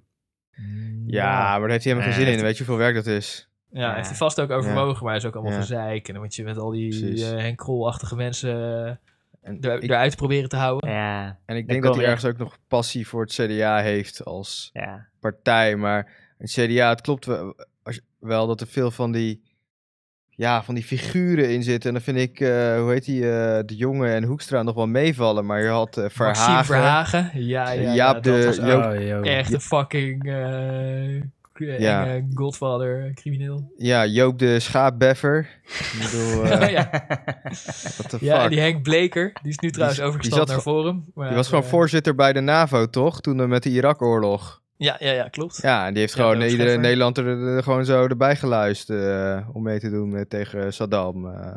Henk Bleker was Ja. voorzitter toen het CDA moest overwegen om wel of niet bij, met de PVV in de regering te gaan, bij Rutte 1. En die heeft dat er keihard doorgepusht, ook al waren de afdelingen tegen. Dat, eh, toen, toen was het hele CDA-verkiezingscongres was eh, live op tv. Dat was fucking mooi. Dan gingen al, die, eh, gingen al die oma's die de oorlog nog hadden meegemaakt, gingen huilen dat we het niet moesten doen. En eh Henk Bleker heeft het er doorheen geramd. Wat, en heeft zichzelf eh, minister van Landbouw gemaakt. En wat hij onder andere heeft gedaan, is eh, een, eh, eh, de, zeg maar, een, een wet gemaakt waarin stond dat boeren zich niet aan de stikstofnormen hoefden te houden. Dat, is, dat is later ook nog enigszins teruggekomen. eh, dat, eh, dat de EU toch vond dat we ons dus wel aan de stikstofnormen moesten houden. En het hele land naar de kloten. Damn. Allemaal van dat soort ratten zitten bij het CDA. Het is echt... eh, Ja, dat klopt. Ja, dat klopt. Er zit weinig christelijks aan. eh. Ja, dat inderdaad. Ja, maar ja, het, het is een beetje de, de Republican Party van Nederland. Ja, ja, ja. qua evil, eh, evil, conservatieve, evil geniuses. Ja. ja. Zo van, zogenaamd eh, zijn ze cons- zogenaamd eh, brave christen en achter de schermen keiharde, vuile roofkapitalisten. Ja. ja, nou ja, ze profileren zich ook niet heel christelijk, toch? Nee, ze doen het niet wel echt, als nee. moralisten, toch? Ja. Normen, normen en waarden. Ik hoor het hier Ja, nog en- zeggen. Ja, en gezinnen hoeksteen van de samenleving. Ze- ze, godverdomme. brengen wel die... eh, Ja. Dat moralistische zit er in ieder geval wel in. Alleen ze benoemen het niet meer obvious. Maar Ja, het is ja, wel duidelijk. het niet christelijk. Ja. En ook Ja. spelen op de dumbass christelijke base. Van ja, ja kerken open blijven terwijl corona en eh, Ja. ja. moet toch kunnen. Dus Grapperhaus is ook eh, CDA. Ah ja. Ja, ja. Oh, ja, ja, Gabberhuis. zeker. Ja. Gabberhaus. Gabberhuis. Gabberhuis. En, ja. Ja, en boeven. Ja, die vergelijking met de Republicans nu begint wel iets te klikken van... Ja, Republicans zijn wel een stukje erger hoor. Maar, Ja, eh, tuurlijk. Terwijl op, eh, op een of andere manier had, had het CDA, had- zeg maar, het CDA als partij had ik nog wel een soort van vertrouwen in. Maar dan al die individuen, Nee, totaal, Nou. hè, wat is hier aan de hand? Je merkt ook altijd mensen dat mensen zeggen: ja, nee, ja, CDA, dat is, dat is toch wel een degelijke partij. ja, ja, Weet je wel, echt totaal niet zo. De minst degelijke Nee. van allemaal. En die Ja. Hoekstra is ook echt super Nou. de enge creepy lul. Hoekstra tot nu toe nog wel meevallen, maar goed. Zijn nou minst degelijk van allemaal? Ik heb de VVD echt nog wel in lagere achting. Ja, dat klopt wel. Eh, Echt? Ja, dat klopt. Maar die zijn er wel Die zijn er Ja. eerlijker over. Ja, precies. Minder Ja. hypocriet. Ja, ja, echt minder hypocriet. Ja, ik, ik Die zeggen echt... gewoon van, oh ja, nee, we willen geld stelen van arme mensen en het aan rijke mensen geven. Dat is gewoon hun verkiezingsslogan. Ja, maar Ja. dat, de- ze doen dat ook dus wel nog erger. En dat neem ik ze kwalijk. Ja. Rick, ja, Ja. jij, jij zal het eh, niet eh, geloven, maar eh, ik was best wel blij dat, dat VVD groter werd dan de CDA. Ook al sta ik niet achter de VVD, maar dat... eh, Ja, toen, twaalf jaar geleden. ja, ja, toen eh, Rutte, Balken en de Verdiep... Ja. Goeie oude tijd. Ja, Ja. Toen, toen, toen, oh, toen was ik ook blij. En Ja, god. ik ook. Ja, Balken, dat sloeg echt... He dat, die zei gewoon helemaal niks, hè? Die zei echt, die kon echt gewoon helemaal niks zeggen. En als, als je dan een vraag stelde, dan Oh ja, u heeft het over dit en dat. En dan gewoon echt gigantische lulverhaal over niks. Ja. En dan whatever. Het is tijd voor de, voor de VOC-mentaliteit. Ja, dat is het enige... weer, dat is- toch? Ja, dat is de vlotste zin die hij ooit heeft uitgesproken. Ja. En voor de rest ging het over normen en waarden, inderdaad. En eigen verantwoordelijkheid nemen was heel populair bij hem. Ah ja, Want Ja, bezuin- eh, mensen, er moest bezuinigd worden. bij de VVD ook. We zijn toch allemaal volwassen? Iedereen. Ja, ik maar we even doen er iets door mee. Uh, omzicht heen te scrollen. Dat had ik van tevoren moeten doen natuurlijk. Ja. Maar wat hij ook heeft gedaan is... eh, hij is al meerdere keren... In 2010 zat hij in, in de eh, Tweede Kamer. Hij zit al sinds 2005 geloof ik in de Tweede Kamer. Of wat zei ik net. Maar in eh, 2010 stond hij nog op de 29ste plek. In 2012 hadden ze hem helemaal niet op de lijst gezet. En moesten de afdelingen dus gaan zeiken bij de eh, ledenvergadering. En hebben ze een motie dat hij wel weer in de eh, lijst eh, moest. En hebben ze hem er weer in eh, gekregen. Maar toen probeerde al sinds 2010 probeert de partijtop hem te wippen. En wat hij Oh de ja. laatste paar jaar heeft gedaan, is dat hij over MH17 eh, kritisch was. Dat hij heeft. Hij vond het Kamer- niet een goed idee, dat MH17. Of, eh, Wat? wat? Dat die werd neergehaald. Vond hij, Ja. vond hij niet chill. Nee, dat vond hij niet chill. Nee. Eh, nee, de anderen vonden het niet chill dat hij zelf naar Oekraïne was gegaan om te kijken wat er aan de hand was. En daar met mensen ging praten. Ja, dat was niet de bedoeling, want daar hadden we al eh, een eh, door, eh, door Rutte aangewezen iemand voor. Maar hij ging zelf, en wat, en dan ging hij dan op het veldje een beetje Ja, aan hij de aarde zeggen, I'm, ruiken. uh, I'm from the Dutch Oh, ja. parliament. En, Ik, ik ruik hier duidelijk een, eh, boek I want to know what happened. Nee, maar Steven, jij doet er een beetje lacherig over, maar... Ja. ja, verder ging niemand daarheen. Ja, zeg maar... En hij is, je- gewoon, hij, heeft gewoon, hij is er gewoon naartoe gegaan naar het politiebureau. En hij zegt: Hello, I'm Pieter Omtzigt from the Dutch Hè? Parliament. En eh, when did eh, you find the first eh, bit of plane? Weet ik veel wat hij heeft gezegd. Maar hij is er gewoon naartoe gegaan. Want als je Kamerlid bent, dan kan je ook eh, gaan deuren voor je open, weet je wel. En niemand Ja. anders ging. Hij dacht gewoon: Fuck dat. En Rutte die was boos. Want eh, die zei: Ja, nee, ik heb al eh, iemand die ook eh, goed alle politieke Ja. gevoeligheden in de gaten houdt. Dus als Pieter Omtzigt daar naartoe gaat, krijgt hij natuurlijk ruzie met mensen. ja, Dat moeten we niet hebben. Ik, ik snap die opvatting ook wel, zeg maar. Ja, ik ook. Maar ik vind het ook wel vet dat hij gewoon gaat. Ja. Wat hij ook heeft Maar gedaan hebben we geen journalisten die dat doen of zo? Jawel. Ja, ook Jawel. wel. Ja, klopt. Maar die, die worden dus niet zomaar eh Ja, die- binnengelaten. Als Maar je zeggen dat je journalist bent, denken ze wel helemaal fuck off. Steven, dit is precies die tegenmacht die je nodig hebt. Want Rutte die denkt, ik regel dit even. En Ja. niet eens per se uit kwaadaardigheid, denk ik. Maar meer van, ja, inderdaad, die gevoeligheden in de gaten houden is belangrijk. Ja, ja. En, eh, maar je hebt juist nodig dat iemand die irritant is, ook gaat. En mensen Eh, kritisch gaat lopen doen, ja. Want zeg maar, Rutte gaat daar een blundertje maken. Oh, in de moffelen ze eh, de, zijn, hoe noem je dat? Zijn ambtenaren moffelen dat wel weg. En dan is Omtzigt er ook en die heeft dat wel door. En die gaat daar even zout op eh, strooien. Ja. Op die slak. En dat moet je Nee, hebben. maar, maar, maar Pieter Opzicht kan toch niet een soort Jezus Christus figuur zijn? Nee, er moet toch iets mis het- met hem zijn of zo. is toch hij zit bij WhatsApp reageren wat hij allemaal Die vakker heeft zit bij het CDA, dus het moet gewoon een kankerleier zijn, toch? Nee, Ja, nee, nee, maar- hij, is, hey. hij is inderdaad eh, Jezus Christus zonder baard nu. Hij is inderdaad gekruisigd door eh, CDA, partijbestuurs en dan de Romeinen. hij is Jezus. Zeg maar, hij zag, hij zag jarenlang balken en hij dacht, ja, hier wil ik ook bij. Of zo. Ja, precies. je, Dus Nee. dat geeft al aan dat hij niet helemaal... nee, eh, volgens mij gaat het helemaal niet zo bij. Volgens mij CDA best wel eh, familie, gaat het van familie op familie. Als je ouders bij het CDA zaten, dan zit je Oh, ook bij dat het CDA. dat hij eigenlijk bij heel erg Partij voor de. Dieren wil, maar zijn ouders zaten bij CDA, dus zit hij bij CDA. Ja, ik denk dat het bij CDA, het is toch, eh, ja, toch wel enigszins een soort christelijke stroming, denk ik hoor. Mhm. Ja, ja, Dus, eh, ja. Sowieso Brabant, Limburg, heel erg CDA. Ja. Maar er is wel een pregnant voorbeeld, Steven, van eh, non-Jezus eh, gedrag. ja. Want eh, zeg maar, je hebt nu de toeslagenaffaire. Maar als je dan helemaal terugspoelt naar brrr, 2012, 2013 of zo, had je Bulgarenfraude. Oh ja, ja. ja. En daar ging hij helemaal loco op dat daarop gelet moest worden en controles, bla bla Ah. bla. Dat veel dat is toch. Ja, ja. ja Maar Maar dat was ook allemaal terecht. Hey, Nou, ja, nee, hij, jij het. dat het keihard werd aangepakt en allemaal Ja. veel strenger werd. En Ja. dat heeft het kabinet gedaan. En dat leidde dus er- ertoe dat mensen met buitenlandse achternamen snel als fraudeur werden. Ja, maar hallo, ho eens even. Eh, Het kabinet heeft gewoon dat beleid niet goed uitgevoerd. Ik bedoel, als zeggen dat het strenger moet, betekent het niet dat het onrechtvaardig moet worden.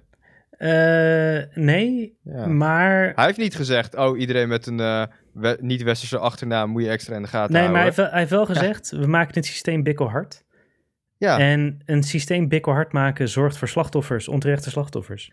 nee, niet per se. Ik Jawel, bedoel, eh, nee hoor, nee hoor, zeker tuurlijk niet. wel. Nee, Ja, nee, nee, St- nee. Stel de doodstraf. Je, je, je voert hem in en je... Ja. Ja. ik doe lekker extreem meteen. Ja. En eh 1% is onterecht. Dan heb je toch onterechte slachtoffers? Ja, nou ja, als je 1% levenslang heeft, dan heb je toch ook 1% eh, levenslang eh, in de bak zitten slachtoffers? Ja, levenslang is ook, eh je ik gaat ook beter wel dan heftig. doodstraf. Nee, vind ik Ja, ook nee, heftig. super kut. Ja, nee, tuurlijk. Ja. Maar Nee, goed, maar het je is gaat toch goed dat die beleid, straffer is? met elk beleid gaat er een, een grensgeval zijn Ja, waar, waar wij maar dit het- was, dit was wel heel erg, Rick. Dit was wel meer dan een grensgeval. Als iedereen volledig alles moest terugbetalen als er één foutje in een zin was, dat werd helemaal niet bedoeld met bikkelhard zijn. eh. Nee, maar en op. toch ben je... Ja, nou, mede hij ging eerst verantwoordelijk eisen dat voor het beleid. was. En hij zat ook in de Tweede Kamer toen die nieuwe wet is aangenomen. Ja, het is voor toch gestemd. logisch dat je eist als fucking Bulgaren de bela- ja, subsidie lopen te stelen, dat je zegt van ja, jullie moeten strenger controleren. Dat is toch helemaal niet zo gek, naar die Bulgare fraude? Jawel, maar als, dat klopt. Het, Ja. het, moest, het moest ook wel strenger. Maar Ja, als je eerst zegt het moet keihard. En dan voor de wet stemt die dat verandert. Terwijl daar Ja. allemaal dingen in staan die eh, lastig uitvoerbaar zijn voor de Belastingdienst. En dan gaat lopen janken. Oh, oh, oh, de menselijke maat is uit het oog verloren. Dan, ja, Ja, maar goed, toen was hij aan het checken van, hé, hey, wat ging er fout? En daar kreeg je geen, eh werd hij vervolgens in getreiterd. Ja, Nee, nee maar, bedoel- wat, zeg maar wat het, eh, zeg maar, ik, ik, wil niet, ik ben nog steeds fan van omzicht. Ik zou zo op hem stemmen eigenlijk. Maar, het is niet hypocriet hoor. Ik Eh, vind het niet hypocriet. Je zegt eerst van het moet strenger, het moet bikkelhard. En vervolgens zie je dat de uitvoering Ik- niet goed gaat. Ik zeg Dan ga je niet, kijken van hé, wat gaat er nou niet goed? ik heb ook niet gezegd dat hij Ja. hypocriet is. Ik Nee. heb gezegd dat hij mede verantwoordelijkheid heeft voor de situatie. Nee, ik vind dat het te gemakkelijk eh, afschuiven op, eh, op, eh, op? Kamerleden. Ik Is bedoel, toch mede, mede nee, nou, als, als de regering tijdig had gezegd dit ging er mis en we hadden gewoon open kaart gespeeld, hadden ze het ook tijdig kunnen herstellen. Ja, nee. Ik daar, ben, bedoel- daar ben ik het ook, ook mee eens. Ik bedoel, ze wisten gewoon dat het fout, fout ging. En niemand deed er een, hond een hol aan. En dat is gewoon puur dat uitvoeringsapparaat aan te rekenen. Die hebben het gewoon eh, in de doofpot gedouwd. En als ze dat niet hadden gedaan... Oké, dan was iemand misschien een maandje genaaid, twee maanden genaaid. Maar uiteindelijk kreeg zijn geld wel. ja, Maar het is gewoon jarenlang doorgegaan. En dat is wat het probleem is. nou, dat is Is, waar. is het niet zo, Ja. wacht even hoor. Is het niet zo, ik weet niet zeker, maar dat de, eh, dat de Belastingdienst ook zo eh, extreem streng deed en radicale dingen deed, omdat eh, ze van de regering en dus de Tweede Kamer ook de opdracht hadden gekregen om zo en zoveel fraudeurs per maand op te sporen. Nee, volgens mij... Ik weet niet nou of er nu een quotum... eh, ja, dat gerucht gaat wel. zat. Maar dat, dat, dat, dat, ik heb wel een paar van die eh toeslagaffaire ondervragingen gezien, maar dat kan ik me. Staat niet Nou, in mijn eh, fysieke geheugen. Die, de, v- ze- dat, die, eh, die quota, daar wordt Volgens mij niet, vaag hoor. over gedaan. Ja, Volgens mij niet. Volgens mij was er, was er geen sprake van een, van een quotum. Misschien dat, eh, dat de minister heeft gezegd van ja, we moeten nu echt. Eh, niet, maar ja, niet vanuit officieel beleid. Maar, nee, nee, nee, nee. Dat, Ja. dat zou echt. De eh, Belastingdienst hanteerde jarenlang een minimumbedrag voor het terugvorderen van toeslagen als gevolg van fraude. Als de Ja, dienst dat- die minimale opbrengst niet kon halen, werden intern maatregelen genomen om meer potentiële fraudeurs in kaart te brengen en meer geld bij die groep terug te vorderen. Dat blijkt uit onderzoek van Trouw en RTL Nieuws en ja, maar goed. Heeft, eh, was Maar dat, heeft de Tweede Kamer was dat, dat gezegd? overheidsbeleid, ja. Ja, ik bedoel, dat volgens Nou, mij heeft de eh, Tweede dat Kamer niet niet. een wet ingevoerd van hey, je moet zoveel eh, Nee, geld. maar ja, het eh, is toch hun werk om in de gaten te houden wat er allemaal gebeurt. Ja, Ja. maar als ze dus, getra- als ze dus eh, zwartgelakte dossiers krijgen, dan kan je het dus niet doen. Ja. Maar Rolf, daar hadden we het in de, in de chat over. Die ministeries die zijn geëxplodeerd qua macht en formaat de afgelopen 10, 20 jaar. Ja. En ik heb soms wel het idee dat er top, topambtenaren zitten bij eh, bepaalde ministeries die gewoon eh, ja, niet meer macht, maar wel zoveel macht hebben dat ze de overheid kunnen tegenwerken Oh, als ze geen zin hebben. Oh, absoluut. dat Zeker, kan zeker. Ja, de, de, de vierde macht heet het er ook. Ja. Dat is eh, zeg maar een bekend concept uit de staatsfilosofie, hoe noem je dat? Nee, ken Ja. ik niet. Je hebt zeg maar de, de trias politica, de, de Ja. eh, wetgevende en de uitvoerende en de rechterlijke De macht. Twee VMBO, eh, ja. Ja, daar hebben we al een keer over gehad, dus dat, Ja. daar verwijs ik even naar terug. En de vierde macht is eh, een, eh, eh, noemen ze, nou ja, andere, andere machten die daar buiten vallen. En Ja. de, de journalisten worden zo Ja, genoemd, maar ook de ambtenaren. Precies. Ja. Ja, oké. Ja, oké, maar... ja, volgende week En- overhoring. en, en, Rick. en die- nee, nee, ja, oké, maar ik, ik ken de term gewoon niet. De Maar vierde vier- macht en de vijfde kolonne. Goed onthouden. maar vi- vierde macht is dan, eh, die, die ambtenarij, die was altijd, Ja. Zeg maar, als je een relatief klein ministerie hebt, dan heb je als minister heb je ook overzicht. Maar Belastingdienst, ik weet niet hoeveel mensen er werken, maar het is hebt- fucking huge. Gast, ja, misschien dat het bij Rutte kan, omdat hij er zo lang zit. Maar wat het vaak ook is, ze wisselen heel vaak af, die ministers. Hè? En die ambtenaren, Ja. die zitten er gewoon. Dus ja, dat is super lastig. Om Hm. daar grip op te krijgen op dat apparaat. Zeker. Ja, maar ja, daarom proberen we hele knappe mensen dus je daar in het kabinet te zetten. eh, Want ze moeten er toch grip op hebben. Een soort, een soort Ja. generaal binnen dat, ja, hoe noem je dat? Een, een, een- het Engelse, in het Engeland noemen ze dat eh, een warlord of zo. Ze heet Zo'n- ook generaal in het Nederlands, die topambtenaren. Directeur-generaal en secretaris-generaal. Ja, de- de- die is gewoon eh, eigenlijk de, de- die is nog machtiger dan die minister die eventjes langskomt. Eigenlijk eh, wel. Eigenlijk wel, zou je bijna zeggen van wel, ja.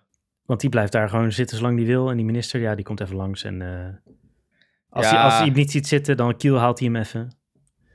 Ja, nou ja, dat kunnen ze eigenlijk. Ze kunnen heel makkelijk samenspannen. Eh, ja, kijk, in een, zo, één zo'n topambtenaar Ambtenaren kunnen de minister goed, maar samen, heel- eh, goed tegenwerken. Maar eh, Ja. eh, toch is het wel logisch en goed, denk ik, dat de minister verantwoordelijk is. En hij is ook de baas. Hij kan die topambtenaar ontslaan als het nodig is. Ja, ja. Ja, daar ben, ik, daar ben ik het ook mee eens. En, en toch denk ik dat het goed zou zijn als de Kamer ook de ambtenarij kan controleren. Nou, ik vind eigenlijk van wel hoor. Er wordt de hele tijd gezegd, ja, ja, minister dit, al dit. Maar af en toe vind ik ook, mogen ze ook best wel eens wat verder kijken. En ook gewoon die ambtenaren eens een keer bijhalen. Ja, en niet alleen eens. als het helemaal totaal uit de hand loopt en bij een ondervragingscommissie.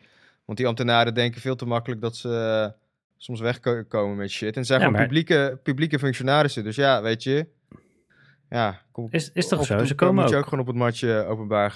Ja, vind ik wel. Vooral als die topambtenaren flikken naar zijn eind op, man. Ja, die, die Ja, zijn, die nou zijn ja. een soort gevrijwaard van alle kritiek, omdat de minister verantwoordelijkheid Ja, heeft. vind ik, Ja. Vind, ik- vind ik soms een beetje te makkelijk. Als, als, hè, als die minister zegt van... hé, hey, luister, ambtenaar eh, heeft het eh gefakt en ik ben verantwoordelijk. Maar ja, die ambtenaar heeft het wel gefakt en ik hou verder mijn mond. Ja. Dan, dan vind ik best dat de Kamer eh, verder mag. Ja, dan moeten ze allebei weg. Maar dan, Ja. ja. nou ja, maar dat kan al. Zeg maar, ja, de dat kan al, maar ze doen het te weinig. Ze doen te weinig, vind ik. Ze gaan te De structuur weinig... is dat dan de minister verantwoordelijk is en dat die dan door de Kamer kan worden gedwongen om een falende topambtenaar te ontslaan. En als, als blijkt dat ze het hebben verkloot en dat stilgehouden, dan moeten ze gewoon allebei weg. Ja, maar dat gebeurt veel te weinig. Vaak houdt het op bij de minister die dan aftreedt en dan is het alles klaar. Koekenij en gaat ze weer verder. Ja, ja dat de Kamer ook niet goed uitzoekt hoe het zat. Dat doen ze verder ook, ook, ook niet. Nee. vind ik. En dat merk je ook bij die eh kindertoeslagopvangaffaire. Ja, wat, wat voor persoonlijke consequenties heeft dat nou gehad? Alleen maar voor de ministers en al die ambtenaren daar. Die, eh, ja, die zijn een beetje naar elkaar gaan wijzen, die ondervraag. Maar vol- volgens mij is er... Zitten die er gewoon nog, weet je wel? Ja, Ja. Ja, klopt. En misschien Ja, misschien ja. is het terecht ook hoor. Maar ik heb wel heel erg vaak Nee, natuurlijk niet. dat, dat er dingen gebeuren daar die een beetje eh, ja, dubieus zijn. En dan, eh, ja, het hele ambtenarenapparaat, eh, dat staat gewoon, ja. Nee, maar je moet, Ja, gewoon, je, moet gewoon, je moet het eigenlijk vertalen naar het klein, naar jezelf, weet je wel. Je hebt je eigen teamlead of eh, je manager ja. en zijn manager en zijn manager. En je weet allemaal wie dat zijn en je weet ook Ja, precies hoe dat werkt. ja, En eh, je weet ook wel wat van de directeur komt en wat van jouw manager komt. ja, En als je manager een fucking asshole kant is, dan kan die ook je directeur tegenwerken. En eh, ja. Ja. Ja, maar het bedrijfsleven werkt het dus juist zo dat eh, alles naar beneden geschoven wordt als er iets misgaat. ja, En klopt. dat het gewoon eh, de zondebok eh, helemaal onderaan de ladder, die, die, die krijgt de schuld. Ja, Dat klopt. probeer, wordt er altijd eh, geprobeerd. En eh, nou ja, bij de politiek doen ze het heel netjes. eh, houden ze het bij inderdaad eh, bij, de, bij de minister. Maar soms vind ik dat net, net iets te makkelijk. Ik bedoel, als de minister er dan net zit, ja, ik moet verantwoordelijkheid nemen. Ja, ik moet weg omdat het formeel zo is. Denk ik van, ja, gasten, kijk, neem kijk even wat verder. Ik vind dat ze vaker Ja, het kan natuurlijk ook... eh, onderzoeken moeten doen. ik ben, dat vind ik ook. Maar het kan ook corruptie zijn van zo'n minister dat hij gewoon denkt... Ach, dit was voor mij ook maar een tussenstapje naar weet ik veel.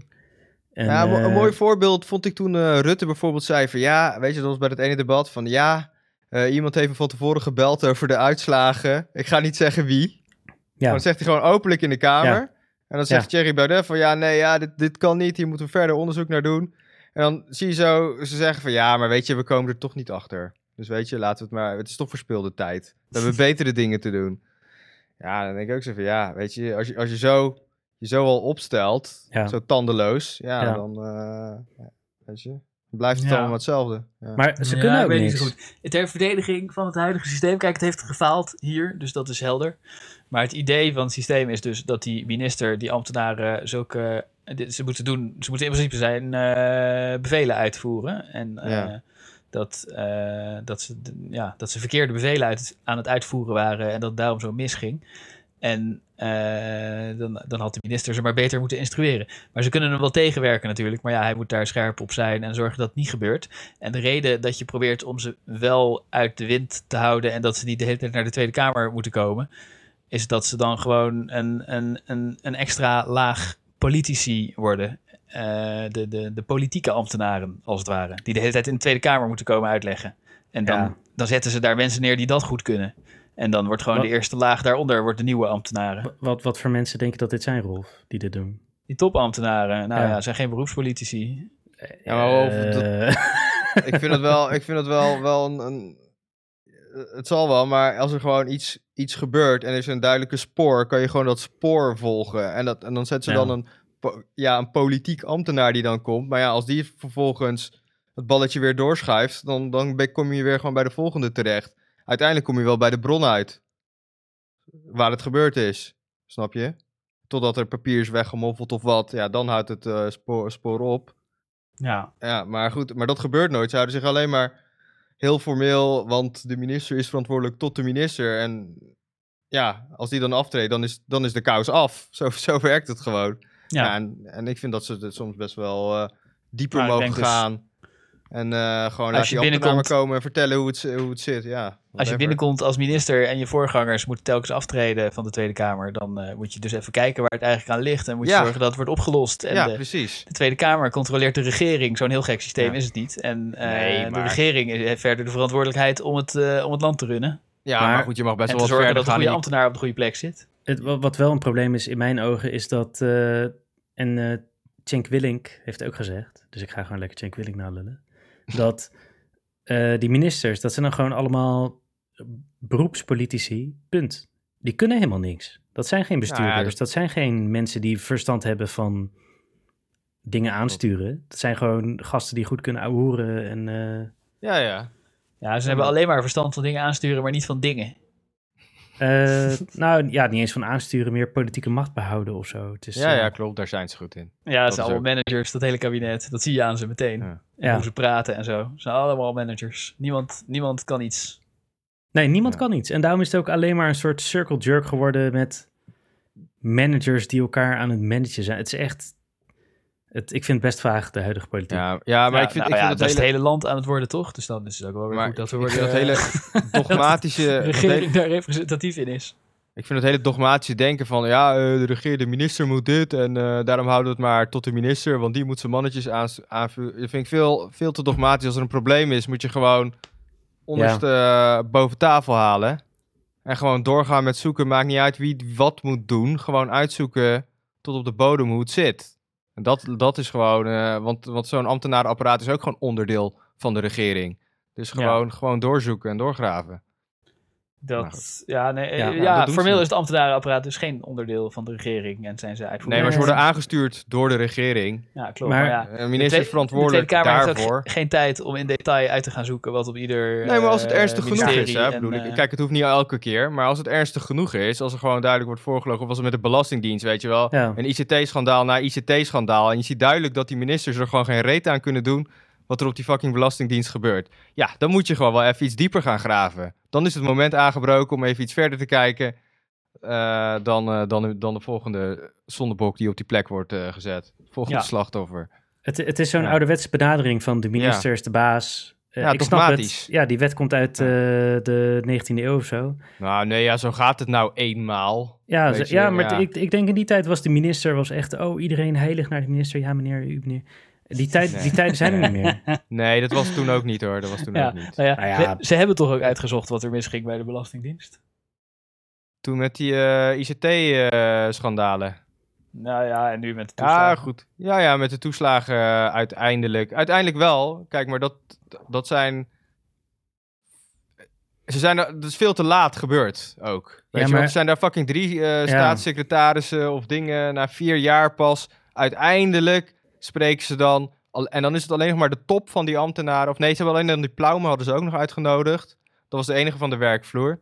En dat is pas na vier jaar gebeurd. En dan denk ik van ja, dat vind ik de Kamer aan te rekenen. Dat ze gewoon veel te traag zijn in, eh, in zaken doorpakken als de regering ze blokkeert. Nou ja, goed, dat eh, hebben ze zich volgens mij ook eh, te harte te nemen. Maar dat vind ik ze eerder aan te rekenen dan dat ze toen met die Bulgare fraude ge- hebben gezegd van eh, het moet... eh, Nou, we- strenger. we- Christian, weet je wat ik denk eh, wat een goede oplossing zou zijn? Is als je de, de... Want nu bepaalt de regering welke informatie openbaar wordt. ja, En dat, dat is heel krom. Daar krijg je een onwijze zandloper daar, zandloperwerking, dat zij bepalen, oh hier krijg je dit korreltje zand. Terwijl het moet gewoon zo zijn dat de Kamer moet de informatie kunnen krijgen die ze willen, punt. Ja, maar weet je wat het is? Ja, die coalitie bij- vindt het allemaal best. Dat is het. Als de Kamermeerderheid zegt van, oh ja, nee, ja, het is voldoende. We stemmen niet mee met een motie die zegt van, hey, eh, geef maar meer info. Dan, dan blijft het er ook bij. En dan Ja, maar kan, eh, eh, ik, eh, het lijkt me ook geen gek idee, tenminste in bepaalde gevallen, ja weet ik veel, ze moeten niet alles kunnen opvragen, maar eh, je kan gewoon zeggen dat als eh 50 Kamerleden een of ander document van de een of andere ambtelijke organisatie willen, dat ze het Ja. gewoon krijgen. Ja. Ja. Ja, dat vind Ja. ik best een goede Dat reden. kan, de zoiets. oppositie, dat kan de oppositie dan zelf doen. En 50 Ja. Kamerleden is nog best wel een drempel. En, Ja, Het, Ja. het, het moet, en inderdaad niet alles, je wil natuurlijk niet, eh, oh laten we even de IVD-database ja, eh, precies. publiceren. Dat moet je niet kunnen doen, maar het moet Nee. wel minder... En nu is het wel heel erg van omerta ja, en mondjesmaat. Klopt. Ja. Lekker. Ja, en waar, waar, de, waar, de, waar Thorbecke, eh, of weet ik veel wie het heeft geschreven, waarschijnlijk bang voor was, was dat de oppositie de hele tijd om niks allemaal topambtenaren die het druk hebben met hun echte werk naar de Kamer laat komen. En dat ze niet meer aan hun echte werk toekomen. Maar je kunt er gewoon. Het, het zou inderdaad wel moeten kunnen. En dan kan je gewoon regeltjes maken voor hoe vaak Ja. ze mogen komen of zo, weet ik veel. Of dat je ook best wel veel Kamerleden nodig hebt om Gast, er eentje op niemand te zit erop te wachten om, om eh, iemand zijn carrière eh, zomaar... eh, ik bedoel... Ik, ik, ik verwacht echt niet dat, eh, dat mensen dan zomaar worden Nou ja, kijk, als-. Ja. Eh, als Geert Wilders de hele tijd ambtenaren van de immigratiedienst die ook gewoon hun best doen eh, Ja. op televisie gaat zitten schandpalen en dat allemaal Ja. PVV-aanhangers ze gaan lastigvallen en stront door hun brievenbus douwen. Dat lijkt me niet de bedoeling van het systeem. Nee. Nee, nee, Dus, nee. dus, dus daarom, dat is het extreemste wat ik even zo gauw kan bedenken, wat wel echt zou gebeuren. Ja. Eh, dus dus maar daarom worden die ambtenaren in bescherming genomen. Daar is Ja, het maar voor aan de andere kant, het zijn pu- publieke functionarissen, weet je wel. Ja, ja, weet je, ik bedoel, je bent, eigenlijk heb je een openbaar beroep. Dus eh, ja, dat het tegenwoordig tv is, ja, jammer dan. Dat vind ik een beetje risico van het vak. Ja. Nee, ja, maar ik vind niet dat je mensen moet kunnen oproepen, maar informatie wel. Nou, ik vind dat je mensen moet kunnen oproepen op een gegeven moment. Doen ze ook. Ja, maar heel, eh, ja, daar heb je die is. enquêtes voor Maar, en ja, eh, dat, is, ja. dat is prima. Maar ze moet, het, moet snel, het moet vaker. Maar die docu zeg maar informatie, ik snap niet. Wat is nou een Ja. reden om informatie geheim te houden, behalve shit verbergen? Ja, tuurlijk. Ja, nee, die documenten die moeten gewoon eh, tevoorschijn komen. Ja, Maar ik vind wel, ik, ik vind het niet zo'n goed idee dat je dat de Tweede Kamer allemaal ambtenaren en dat Thierry Baudet in zijn psychose allemaal mensen eh, op de televisie haalt en dat als een psychotische aanhangers die Ja, mensen gaan kijk, Hij is lastigvallen. natuurlijk in een minderheid. Kijk, natuurlijk. Hè. Ik bedoel, maar als Sherry Baudet een meerderheid zou hebben, dan zou die het formeel nog steeds kunnen doen, snap je? Ik bedoel, kijk, voor een ambtenaar zou, zou je kunnen zeggen bijvoorbeeld, ja, een meerderheid of whatever the fuck. Maar het gebeurt gewoon, kijk, als het gewoon te ernstig is, dan moet je het, dan gaat dat belang gaat gewoon boven de ambtenaar die... eh, Ja, klopt. ook kan gewoon op- drempels maken. Ja. Ja, Ja. ik bedoel... trouwens jongens, hebben jullie Steven gezien? nee. die heeft echt al een uur niks gezegd. Nee, Ja, zegt ik dacht, wat als ik het laat jullie politiek gewoon van. Ik heb niks, eh, ik heb niks hier aan toe te voegen, dus ik dacht ik laat jullie gewoon. Ah, ik denk In dat het plaats van te gewoon, gaan zeiken. misschien moeten we ook gewoon, eh, want wij kunnen, als we hier doorgaan in staatsinrichting, dan kunnen we nog drie uur twee VMBO doen. Zeker. Dus misschien eh, moeten we gewoon Candlelight die motherfucker. Ja. Candlelight die motherfucker, Ja, jongen. maar Candlelight duurt al vijf minuten voordat hij begint. Er zit eerst wat hele romantische stilte voor. Ja. Misschien moet je edit doen. Reflectiemoment. Maak even de, de Rick edit. De Rick edit. Oh, doen we, doen we- moet ik de outro doen? Ja, is goed. Oké, is goed. Rick. Stem. dit is mijn liefdesbrief aan jou. Wat ik zei dat je de mooiste vrouw van Nederland was. Oh, Turks-Nederland, heb ik gemeend. Het was niet racistisch bedoeld, maar ik hou echt van je. Heel Nederland, toch? Eh, eh, van, van heel, ja, sowieso van, eigenlijk van heel Nederland. Sorry. Joyce. Ik heb wel met Joyce afgesproken dat als ik vreemd kan gaan met jou, dat het mag. Dus ik, het schijnt dat je een vriend hebt, maar bel me gewoon. Fix die shit. Ehm Rolf is beter in de outro dan ik. Maar ik vond het wel een hele leuke aflevering. Heeft een vriend. Ja, een Nederlander. Wat? Nee, in dat boek, boek maar die uit, wordt ook in het boek gedumpt. Nee, Ja. nee, in het echt heeft ze ook een Dat is weer een nieuwe. Nou, of tenminste, ik weet dat, dat had ze op tv verteld. Oh ja, oké. Maar ik, ja, ik- ja. Daar, ging, daar ging ik maar vanuit. Maar ik, eh, ik ben ook blank, dus eh, misschien vindt ze dat... eh, Ik kan er wel bij misschien, Rick. ja. Bel me. Heb je de boek al gelezen, Rick? Ja, zeker. Ja, het, eh, ik doe volgende week eh, verslag. Tweede recensie. Allemaal aan elkaar gekoekte bladzijden in het boek. Gewoon zo'n cumjar. Mijn Nou, hart, ze gaat je helemaal hard geworden. Ja, nu heeft ze al uitgezet. Nu zit ze op mijn nummer te zoeken.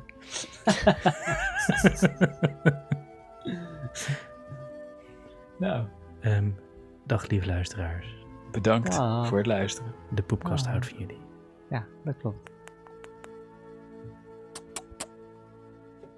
嗯。